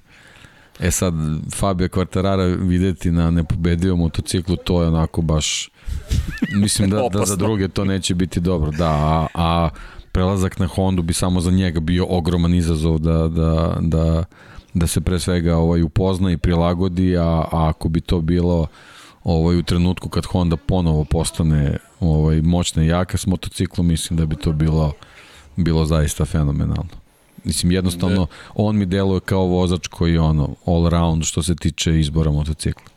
I još jedna bitna napomena, opet malo je vozača koji su osvajali titule na dva različita motocikla. Yamaha pritom nije u savršenoj poziciji, bez obzira što je sve prošle godine osvojila. Superbike, Moto Grand Prix, pogledaš gde god se okreneš, Yamaha je osvajala titule, ali nekako utisak je da još uvek drugi nisu iskoristili svoj maksimum i da se Yamahi tu otvorila vrata i da je Fabio taj ko je doneo tu kritičnu prednost Yamahi da se domogne titule. E sad, Honda, mislim da sve što se tiče Honda zavisi zapravo od toga šta će uraditi Mark Marquez bukvalno, samo od toga zavisi. Ako Mark Marquez odjednom postane ponovo dominantna sila u Hondi pre svega, pa onda u Moto Grand Prix ili u Moto Grand Prix dovoljno je da, da može da se bori za titulu, to onda se postaje pitanje šta dalje. u Repsolu. Uh, da, deki. ok, ok. I da ne zaboravimo, to jest to ne sam da zaboravimo, Repsol Honda uvijek bi izabere jednog vozača i dovede drugog vozača broj 2 prvi put se desilo da, da menjaju tu, tu strategiju kada su praktično doveli Markeza, to jest kada su spojili Danija Pedrosu i Casey Stonera, onda doveli Markeza, ali Dani nekako nikad nije došao na taj nivo koji smo očekivali i posle toga Lorenzo, pa sada Pola Espargaro, kao da je to, mada to sad postaje se već decenije cela nove strategije Honda. Ko zna, možda ipak dovedu Rala Fernandeza ili Fabio Quartarara ali možemo da ga vidimo bilo gde. Eto, to Deki je slepo odgovorio. Inače, dragi ljudi, srdačan pozdrav od Hajduka i Uskoka, utorak 8. februar mi je rođendan, samo kažem, pobednik našeg, našeg fantazija. Čujemo, Marko, nemojte ništa da brinete. Evo, mi ćemo se javiti. Tako da vidjet ćemo. Ako niste Inače, do sad brinuli, nemojte ni od sada. Nemojte ni sada. Mi možda, to jest ja znam da kasnim, ali završimo ono što sam rekao. Tako da, to je neki manir pogrešan, ali evo, 46 godine već pokušavam da promenim bezuspešno. E, inače, e, Zlatko Tajtan Ilenski kaže vozio taj crni Lenovo 51 Mikele. Jeste, Mikele Piro bio na crnom motociklu i s obzirom na činjenicu da još nisu prezentovali, samo su pokazali malo kako će izgledati nove stare boje Ducatija. Čekaju Jacka Millera koji je stigao, pa će naredne nedelje to zapravo predstaviti. New Star, u Santiago uvek lepo vreme, redko kada tamo kiša pada. Tako je, New Star ovde je uvek zabavno, pogotovo u ovom periodu. Toplo, danju, hladno noću. Kaži Lukas, duša je došla da ovde vidi kako to sve funkcioniše i ima sok od mansane ili ti jabuke. Elem, da se vratimo mi na pitanja iz četa, a to je, da, vozački transfer iz 2023. Luka Đurović, kaže, poslednji, e, poslednje priče su Mir u Honda, Olivira možda iz KTM u Suzuki kako bi se oslobodilo mesto za Kostu ili Raula, Martin Fabrički Ducati, Beštija Pramak. Opa! O, Luka, ovo odlično zvuči. Mir u Hondi. Deki, Mislim da je još rano da pričamo o tome. Rano. Da, ali ok, ali vidi ova kombinacija, evo ja sam onaj što volite vatrene momente Olivira u, iz KTM u Suzuki, a a Kosta da dođe u KTM, dobro, to je logično, ili Raul da pređe u fabrički, mada ja mislim da Raul želi negde drugde da ide, osim ako ne bude šampionska sezona praktično. Martin Fabrički Ducati, to mi zvuči logično, zavisi od Millera pre svega, i Bešte da dođe u pramak, okej, okay to ne bi bilo loše ni za koga. Ali dobro, Laza Ilić pita za tvoje predviđanje za top 3 vozača u šampionatu, da li ostajem pri svojim izjavama iz podcasta kad sam bio sam da će Marquez da osvoji titulu, pretpostavljam, ostajem pri moje izjavi, pa dao sam je tada, pa da vidimo. Deki, ti ja ću imaš... sačekam vikend. Sačekaj, ok, mudro, mudro. Inače, u Igoru Zelac kaže, neće se Maha prete, uložit će sve u kvartarara da se ne bi obrikao kao aktualni šampion, tako da misle da će biti konkurentan za titulu i da će završiti kao druge plasirani zvuči logično da, da je Maha se zaista potrudi, ne samo oko njega, imaju i Morbidelija i imaju Andrea Dovicioza, Vilko Zilenberg je za Andreu Dovicioza rekao, ljudi, 8 godina je proveo na Ducatiju, prešao na Yamahu i to staru Yamahu i samo je polako pristupio tome da se prilagodi novom motociklu. Tako da, i čak i potvrdio da su i njegova, a Vilko Zilenberg je vrlo rezervisan čovek, rekao da su i njegova očekivanja ogromna za Andreu Dovicioza i ovu sezonu. Tako da je Maha ima ozbiljan posao, ima tri vrlo ozbiljna vozača i, i Derina Bindera svi su oni ozbiljni, ali u toj konstelaciji stvara najmanje ozbiljan je Da, Derin Binder. Da. Inače, Zlatko kaže, Honda konstruisala je motor samo za Markeza. To je veliko pitanje, Zlatko. Ovo je novi motocikl, potpuno, u kojem Markez nije učestvovao u njegovom razvoju. Uopšte. I kažu da su ga u potpunosti promenili da bi dobili novi motocikl kojim svako može da upravlja. To je makar ono što su do sada rekli. A i veliko je pitanje stil vožnje Markeza, koliko se promenio. I tako je. Tako mi ne znamo da, da, da će da više biti ovo. u mogućnosti da, da, da ovaj, prilagođava motocikl svom stilu, za koji sad trenutno ne znamo ni kakav je. Da, evo dobro pitanje da li je neko svoju titulu na tri različita motocikla. Mm, Giacomo Agostini je osvajao na MV Agusti i Yamahi, a u kraljevskoj kategoriji mislim da nije niko ili možda tamo 50. Moram da proverim, u novijoj istoriji niko u novoj istoriji na dva motora zaista vrlo malo vozača. Rossi, Stoner osvojio je titulu, opet, opet mi je stao mozak, a, morat ću da počnem da, da vežbam, deki. Ko nam je prešao iz Yamahe u Hondu od američkih vozača, opet sam zaboravio. Dobro, sad ćemo da pogledamo. Ali Amerikanac, deki, svaki put zaboravim ko je bio mm, 88. šampion sveta. Eddie Lawson, zna Edija, svaki put zaboravim. Steady Eddie. Steady Eddie, da. Steady Eddie, tako su ga zvali. Da, Lawson je se mahom u svoju titulu 88. naredne godine otišao u Hondu i osvojio titulu. Te godine su se baš takmičili ozbiljno Yamaha i Honda, pre toga Suzuki s italijanima imaju uspeha, imaju i Lukinelli i Uncini su osvajali titule. I onda je počela era, to je došao je Suzuki Kevina Švanca, onda počela era Duana, Honda, uskočio Kenny Roberts pa nastavio sa Hondom Rossi i tako dalje, ali tri moram da proverim, mislim da, da niko nije osvojio u najčoj kategoriji sa tri proizvođača čak ni, da, ne, Agostini, MV Agusta Yamaha i to je to, Shin samo na Suzuki-u, Roberts na Yamahi, Freddy Spencer Honda, Gardner je osvojio na Hondi, da, to je to. Vrlo, vrlo malo vozača je to radilo. I Casey Stoner, najnoviji čovek kome je to pošlo za ruku. I naravno imamo Mira i Fabija Kvartarara kao ljude koji eto, bi mogli možda tako nešto da učine. Dobro, eto, vidjet ćemo da li će neko možda tri. Zamisli da je Rossi sa Ducatijem osvojio, zato je to i toliko bilo intrigantno da, te sezone. Da vidim šta sam propustio. E, Mark je pobedio, braća Binder ove sezone spremaju show. Nadamo se da će biti pozitivan show. Inače, Hadžić Miloš pita kada će specijal u Lorencu. Biće. Biće, evo sad prikupamo nove informacije o, o, o njemu. Inače, Tošić, pitanje, nešto sam raspoložen večeras, pozdrav za ekipu, da li vidite Markeza na nekom drugom proizvođaču i gde ga vidite na kraju karijere? Probni vozač ili nešto na četiri točka? Pa možda na četiri točka. Nisam siguran da bi vozio kao probni vozač. Mm, Nekako... Ja sam uveren da ne bi, ne bi vozio kao da, probni pa vozač. To, ja mislim da on samo se takmiči da bi pobeđivao, da, da je tu sličan Rosiju, da su oni veoma slični.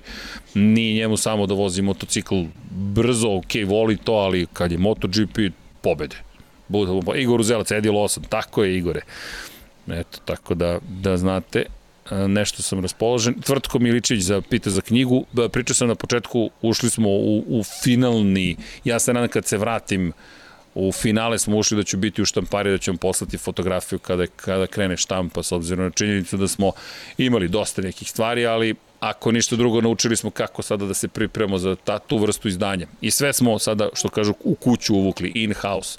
Ko KTM, koji ostali timovi, ne zamerite, ja se zaista još jednom izvinjavam, malo smo na teži način naučili uh, dosta smo, dosta je lako bilo s Dekijem objaviti knjigu, sa Kim je isto nekako išlo lako onda sa Rosijem se tu desilo malo viših sila, pa smo se malo zmonili, ali naučili, tako da ne zamerite što kasnimo još uvek. E, Aki Vujke, Igor Rozac, pa ako je samo Lorijska prve se pobedio Hrvatska desija na tri različita proizvođača, a nije šampion, tako da niko nije uzeo tri puta, ili više titula na tri različite proizvođača, dosta logično zvuči Igore, ali nisam siguran da je jedini pobednik na tri motora, nije nemoguće da je jedini pobednik na tri motora, ali moram da vidim da na početku da li je Leslie Graham ili neko od tih vozača Geoff Duke da li su osvajali, pošto je Duke Duke je osvojio na Nortonu i na Gileri, ali ne znam da li je pobeđivao Duke na, na još nekom motociklu, toga se ne sećam, ali uh, moguće da je Capirosi jedini koji je uspio da zabeleži pobede na, na, na, na tri različita motocikla. BMW je koristio Duk jedan kratak period, ali nisam siguran da je zabeležio pobedu s BMW-om.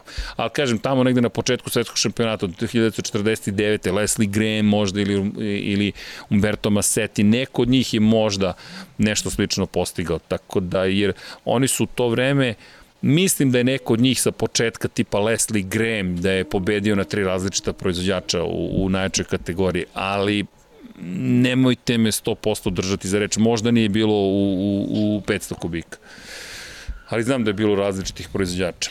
E, I tako. O, za stranih ja sa istorijom malo, ali dobro.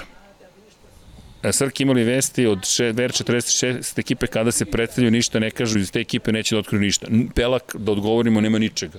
Bukvalno niko ništa ne zna kada će.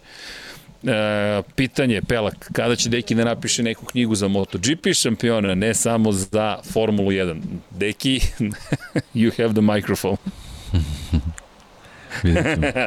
Vidjet ćemo, ok.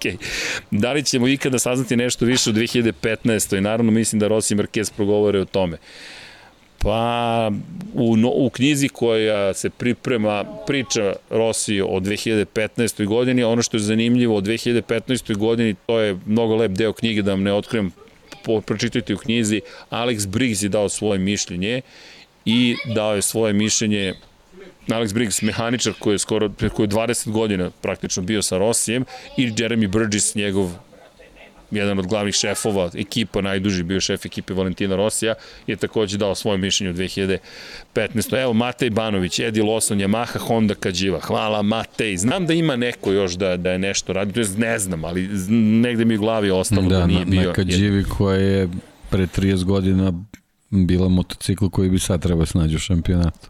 Malo su požurili. e, ali da, to ponekad... GP500, da. Da, ponekad ti je zapravo, ponekad je tajming je, zapravo tajming je mnogo bitan. Tajming je mnogo, mnogo, mnogo, mnogo, mnogo, mnogo važan. I ti kada pogledaš, da, Kađiva, to smo zaboravili, GP500 čuveni, i jao, o tome vredi pričati, zaista, i taj, i taj motocikl danas izgleda moderno. Bukvalno pa što ti kažeš smo, neko, neko nas jednom pitao Jest. koji motocikl bi volao da imaš u sobi. To je taj. to je taj. Da, ali zaista, ti kada ga pogledaš, a znaš šta mene podsjeća? Na Ferrari na dva točka, ali Ferrari iz tih godina, sve sa onom nalepnicom i, i rako crven jedan motocikl koji je kao stvarno da izašao iz nekog drugog vremena. Zanimljivo. Ne, ne, stvarno je, stvarno je bio ispred vremena. Jeste, to je, to je, baš, to je baš poseban motocikl. Hvala, hvala na podsjetniku još jednom. Dobro, lepo smo se mi raspričali, raspoloženje je na nivou, ali čekaj da vidimo, Bešte je šampion sveta 2022. Hvala. Da, da, da. E da, Igor Zelac daje zanimljivo, da, hvala. Igor kaže, Edi Lawson je ostvario 31 pobedu u šampionatu u kraljevskoj klasi i osvojio četiri titule. Dani Pedrosa 31 pobeda bez jedne titule. Kakav surov podatak. Da, zanimljivo, nisam znao da ima isti broj pobjeda, hvala.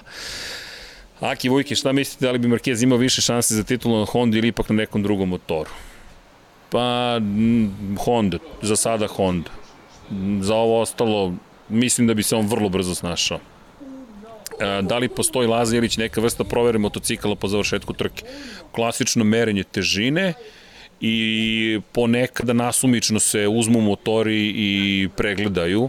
Dešavalo se Rosiju tamo početkom milenijuma da su toliko bile upečatljive njegove pobede da su znali da rasklope ceo motocikl samo da budu sigurni da je, da je sve okej. Okay bi bilo je okej.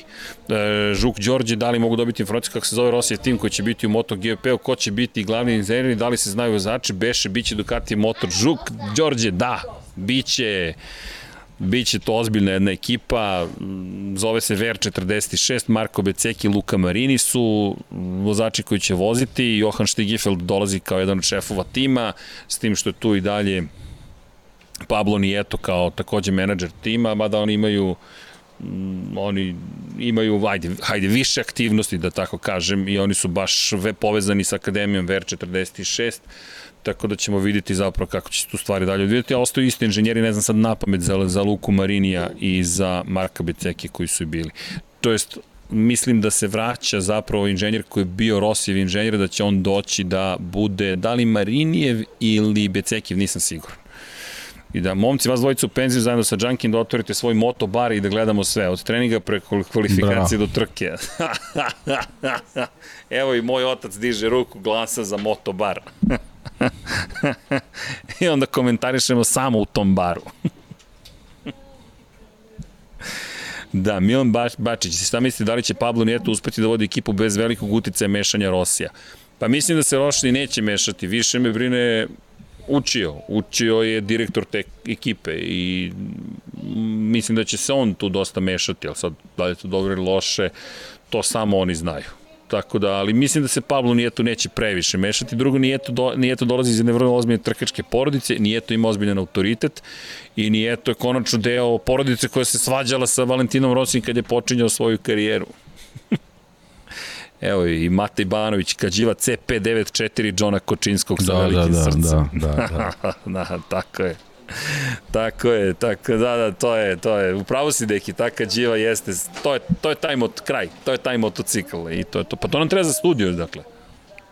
Pa vidim, pojavili su se na oglasima, počeli su da ih prodaju polako, neki, neki ovaj, šta bi sa Aprilijom onom? E, uh, kad se vratim, A, dobro, dobro, dobro kad se vratim, sad, sad, sad, sad si zag, možda zagolicom ali kad se vratim, Nema veze, čovekom dobro, sam se dobro. čuo, rekao sam da, da, da, da, da, da je to naše i čovjek je rekao nema problema, ponudio sam, rekao sam stvarno sam morao iznenada da idem, tako da rekao kad se vratite, javite se pa da to završimo, tako da Super. Neki vidjet ćeš, imamo planove, ali dao si mi sad još neke ideje šta bismo mogli da uradimo. E, I tako, tu ću stati, pokušat ću tu da stanem. e, I tako. Elem, o, Deki, još neko pitanje ili imaš negde iz društvenih mreža, negde? Sad sam pogledao, ne, ne, svi su, ne. svi su na četu, da. Hoćemo da se polako pozdravljamo. Pa dobro, koliko Znam da je pa dobro, vas, evo prešlo 2 sata, okej. Okay. 11 da, časova da. je kod vas, razmišljamo o tome. Kod mene je 7 uveče i sunčano je, kao što možete da vidite. Lukas sklapa Mandalorianov brod od Lego kockica i tako. E, zašto večeras nema spremanja hrane iza tebe? Volao bih da dobijem informaciju o Tomahawku ili kako reče juče da se zove. Đorđe, evo ovako, dobili smo uh, informaciju sledeću Tomahawk, e, kako se Tomahawk stekovi mogu da se kupe u Maxiju, to mi mama rekla. Uh, na Bajlonijevoj pijaci je neko javio, ne sad sam zaboravio ko, tako da, a to izgleda kao Tomahawk, ne znam koji je to deo mesa, saznaću to izgleda kao sekirica mala ili velika, Tako da, da eto, to je informacija zašto nema roštilja, pa šef nas je, majstor nas je ostavio danas bez roštilja. Ali za sledeću nedelju, ako se slaže, tako je taj ugođaj, taj, ne, neko je rekao da sam kao Lea Kiš, iza mene se kuva. ha, ok, I'll take it as a compliment, tako da u svakom slučaju napravit ćemo roštilj, ali to je sve u redu. E, Tošić, ako nije previše lično pitanje, kako to da ti je cela porodica u Čileu? Pa lako, brat mi je kada u junu 1999. godine dobio ponudu za posao da pređe u Čile, on je programer, doselio se 99. godine, oženio se 2009. Snajka nam je iz Čile, Čilenka, deca su Čileanci, Srbi, šta već da su, pre svega Čileanci srpskog porekla, pričaju i srpski njih troje i mama i tata godišnje dođu da zimu provedu ovde, da izbegnu zimu u Evropi i pošto su malo ušli u ovaj, neke tako zahtne godinice, onda je moje prisustvo neophodno da ih vratim kući. Da vodim računa o njima, eto, to vam je cela priča. Bukvalno smo se porodično okupili i eto, to je to. Ne, nije, ne otkrivam ništa suviše intimno, tako da sve je okej. Okay. Tako da eto, tu smo i lepo je, moram da vam priznam da je lepo. I da li znate koliko, uh, Igor Zelac, znate koliko ima šampiona koji su svim kategorijama proslavili sve titule pre poslednje trke? Ja znam samo da je Valentino Rossi to postigao. Šampiona koji su svim kategorijama proslavili sve titule pre poslednje trke. Aha, zanimljivo. Moram priznati Igore da ne znam. New Star kaže Boba Fett je aktualan sada. Reći ću Lukasu da je Boba Fett aktualan, Ali što se tiče ovoga, to je zanimljivo pitanje, deki. Vidiš, nije mi palo na pamet. Većina je svala titule u poslednjem trenutku, a mi nemamo mnogo vozača koji su osvajali titule. Marquez je svojio u sve tri kategorije, Rossi i Reed. I to je to. Je li tako? Nemamo mi četvrtog vozača koji osvojio sve tri kategorije. Još. Još. E, Muki Alex, je bilo priča o Fabio, ako nije, onda nisam ništa propustio. Bilo je čak i priča o Fabio, ne previše, pošto Fabio je tek stigao na testove, pričali smo o novim motorima, pričali smo o šansama Fabio, pričali smo o tome da li ga vidimo u Hondi, tako, pa ispričali smo se. Pazi da ne nadimite tog Fendera, ne brinite, nećemo nadimiti Fendera, to je, to je trenutno ukras, ali bez brige, i onako će mi brat top staviti, ako ga nadimim, mora to da se očisti posle i da se posle koristi, naravno. Elem, ljudi, uh, otišao sam u digresiju, digresija, digresija, mislim da je vreme da se polako pozdravljamo. Deki, šta da ti kažem, hvala ti, nadam se da si još hvala tu, tebi. trenutno, trenutno te ne vidim, trenutno te ne vidim, e sad te vidim, ali ljudi, hvala na, na, na, na podršci, na pažnji, na svemu, udrite like, ukoliko vam se dopalo, udrite subscribe, pozdravi Vanju, puno pozdravi Dom Pabla, Deki, šanjem ti poljubce iz uh, Južne Amerike, i vidjet ću da nabavimo Bengals zastavu pre nego što se vratim, da ipak obogatimo studio, a tebi kao i uvijek hvala i šta da ti kažem, lepo je i uvijek pričati o tobi, o, s tobom o bilo čemu, a pogotovo Moto Grand Prix. U to ime, ja bih vas sve pozdravio, vodite računa i vozite računa jednim drugima, mazite se i pazite se. Deki, imaš da dodaš još nešto? Sve si rekao, nema šta osim malo rekao. lajkova, malo subscribe-ova i tako. I to. Udrite pa, da, like, udrite da. subscribe, join, takođe posetite patreon.com kroz Infinity Lighthouse, shop.infinitylighthouse.com, a mi ćemo biti tu sledeće nedelje, već ćemo imati prve rezultate, javit ćemo vam i da li menjamo to utorak, sreda, ne, da i tako dalje, vidjet ćemo i sa ostalim gledalcima. Moramo i sa Pajom da vidimo isto. Moramo i sa Pajom, tako Zbog je da vidimo. rasporeda i obaveza. Jeste, da, to, to ne znam kako, kako će biti sledeće nedelje. To, to ne smemo da zaboravimo. To ne smemo da zaboravimo, jer to se ne radi. da. A, da, ali dobro. Lepo smo se zabavili, ja bih rekao. Ej, ljudi, veliki pozdrav u ime cele ekipe i naravno, hoćemo zajedno da pokušamo sin, da se sinhronizujemo zajedno. Na Ajmo jedan tri, sink. 2, 1. Ćao, Ćao svima. svima.